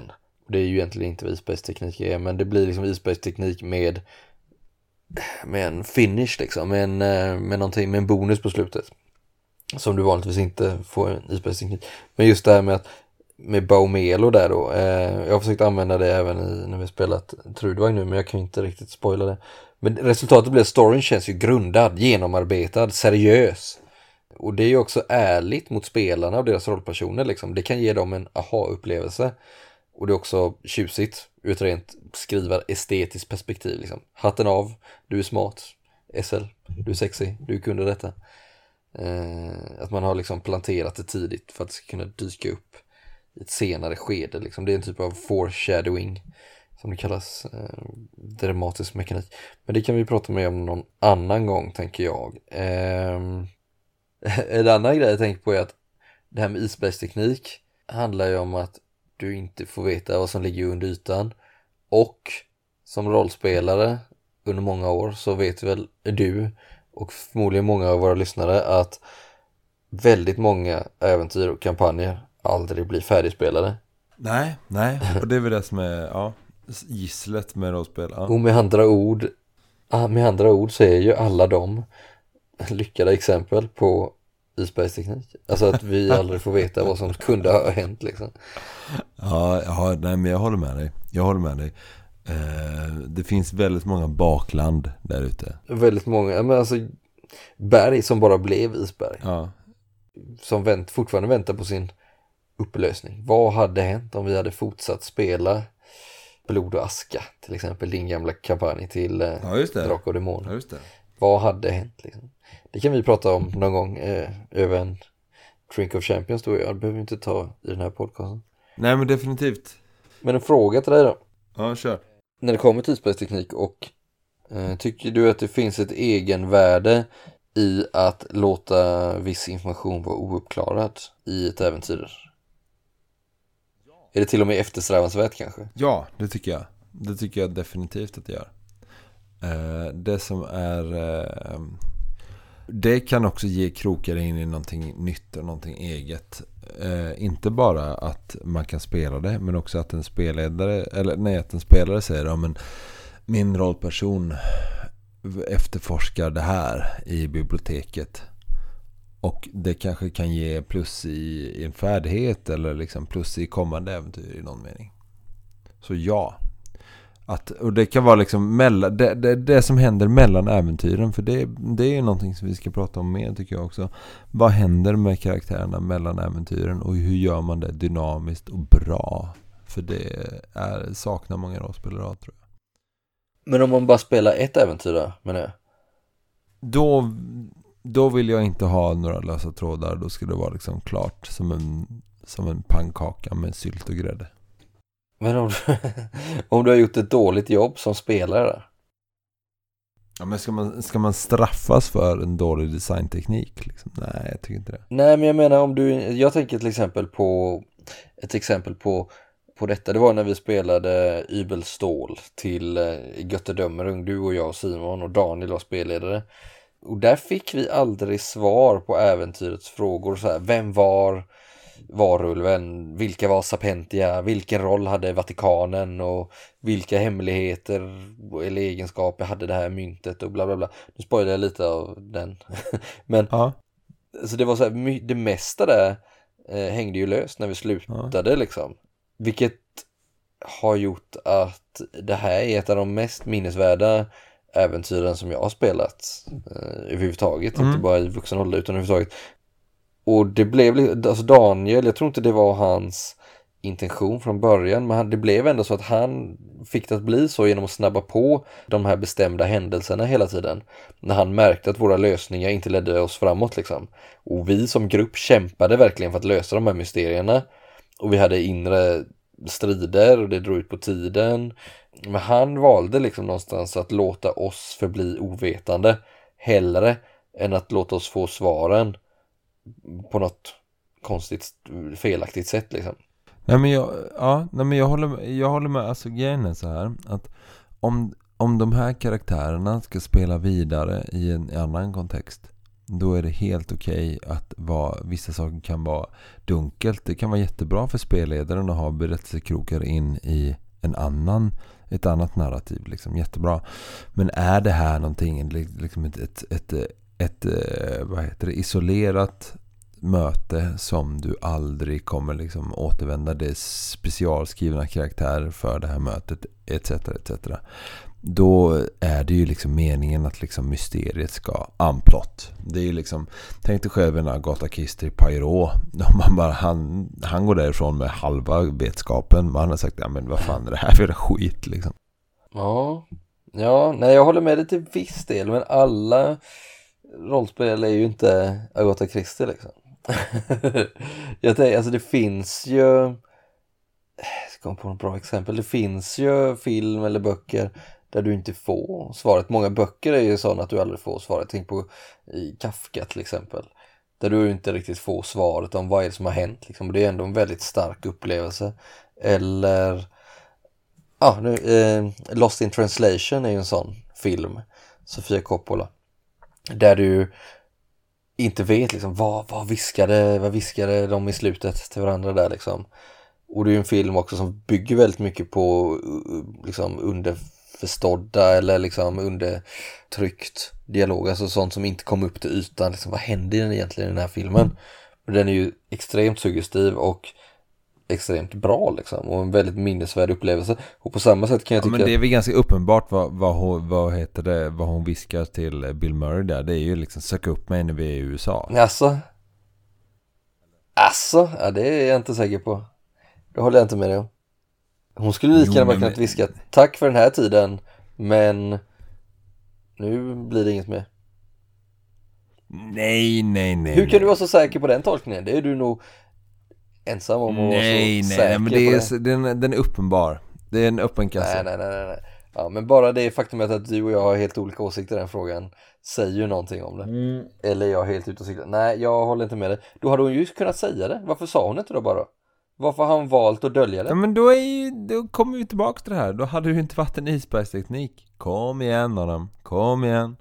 Men det är det som är grejen med isbergstekniken. Att du låter, att du låter mottagarens tolkning vara lika god som din egen. Samtidigt så vet jag att du är oerhört in, eh, irriterad på Inception till exempel. Där, vad heter det, den här snurran aldrig slutar. Och den, den, dar- den, den bara darrar till. Den darrar till och sen är det slut. Det är ju lika, det är ju lika mycket där. Ja, men jag är inte irriterad på det. Jag tycker bara att det är dåligt eh, underbyggt. Det är ju en film med hål rakt igenom. Den bygger ju inte på isbergsteknik rakt igenom som, som eh, Lost in translation gör. Vi pratar ju om två helt olika saker. Det är som att prata om, jag vet inte, chips och potatis. Ja, men du, vet du, det som är så fint är att du och jag tillåter varandra vara, tycka väldigt olika. Men det som är ännu tjusigare än det är att vi börjar i film och jag tycker också att vi ska avsluta i film. Ja, eh, absolut. Det finns mycket som du vill ha sagt, jag vet, men jag tycker att eh, vi, vi rappar här. Det, Vi får göra det går att säga tusen saker till, men eh, fan ska det bli ett bra poddavsnitt så, så slutar vi också. Jag får bara ställa en Ja fråga visst, först. självklart. Jo men det, det, det är ju det jag tycker är det, det tjusiga liksom med gestaltning. Att du kan beskriva någonting på jävligt extremt få ord liksom. Har du hört, eller du, du känner till den Hemingways eh, novell som är sex ord lång. Nej. Som är formulerad som en eh, annons eller vad heter det, så här, köp, köp ut och sälja annons liksom. Eh, han hade typ slagit vad med några polare när han hade dåligt med cash om att han skulle kunna skriva en hel novell på, med sex ord och de sa nej men det kan du inte. Och så, så hade han väl typ tagit fram någon näsduk och skrivit den här novellen då och, och den är så här For sale, baby shoes never worn. Okej.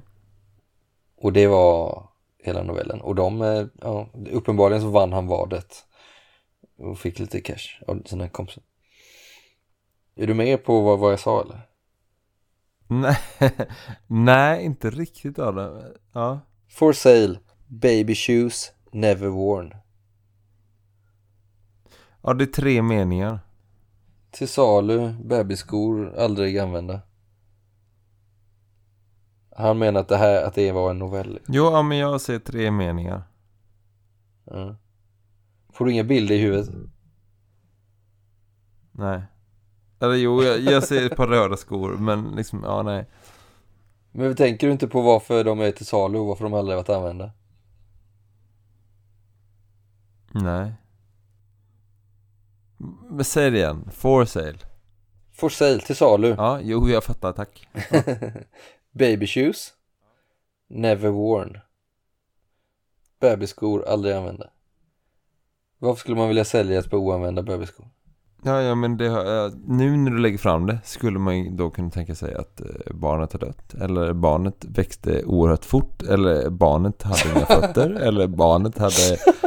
hade Ja det finns ju många svar på frågan Men det som man, det som jäckar oss mest Det är ju det du sa Att barnet förmodligen har dött liksom. Det är ju det som vi tänker Det är ju det som är Det är ju där vi fastnar liksom på, Vid den analysen Och vi ser framför oss hur, hur Hur Föräldrarna mår Det är ju en novell Ja, jo, men jo visst. Det, ja, nej men ja. Jo, men jag håller med dig. Ja, det var bra. Ja, eh, ja. nej, ja, nej. Jag vet. Nej vi får fan klippa det här då, men jag, Ja. vi kan ha med det eh, Nej, det blir så här som en jävla fuck, fucking Åmål-grejen igen. När jag liksom bara sitter så här. Va? Vad fan snackar du om? eh, Men vad, vad var vi? Du började prata om film och så Vi slutade. Ja, vi började i film och vi slutade film. Vi började i Dunkirk och vi slutade i Lost in translation. Ja, och från början så pratade vi väl även om eh, Pippi Långstrump och lite annat och vi får väl eh, vi får väl eh, efter en oväntat lång och härlig stund får vi väl sluta i vad heter han? Star Shackles ord Friendship is magic Var det inte så? Friendship is magic, Star Shackles, så är det. Har du, börjat, har du och dina döttrar börjat kolla på Little Pony? Nej, jag försökte men eh, de fattade inte konceptet Nej, men du gjorde det. Nej, faktiskt inte. Men eh, Christer Sundelin gjorde det. Han eh, älskar ju tydligen eh, My Little Pony. Ja, it's the shit. Alltså vänta ett par år när dina döttrar är lite äldre, då kommer det vara it's the shit. Ja, men med de orden får vi väl avsluta Syndikatets podcast för den här gången och sen så syns vi väl snart igen får vi väl hoppas. Får jag eh, ge en vink när vi ändå pratar om eh, MLP eller My Little Pony? Det finns ju faktiskt ett rollspel som heter Equestria, Equestrian Tales. Som är ett eh, rollspel i My Little Pony-världen. Ett välskrivet och tyvärr nästan alltid slutsålt på Akademibokhandeln när jag svänger förbi. Ja, du får du göra, du får du göra en vink. Är du en sån, om du erkänner att du är en sån brony? Eh, nej, det, eller ja det kan väl vara. Jag är en brownie.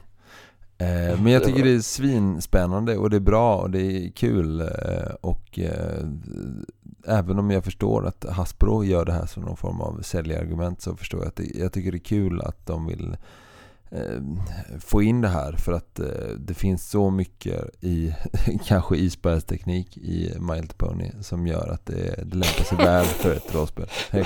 Vad gör du reklam för nu?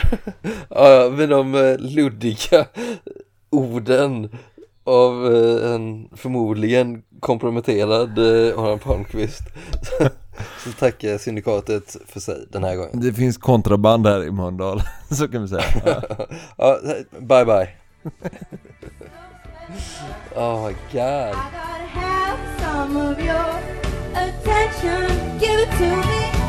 Ladies and gentlemen, Mr. Bob Harris. Thanks. This is hard.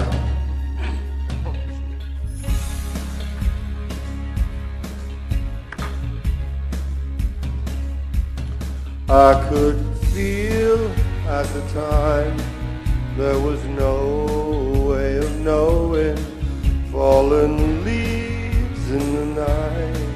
Who can say where they're blowing as free as the wind? Hopefully learning why the sea on the tide has no way of turning more than this.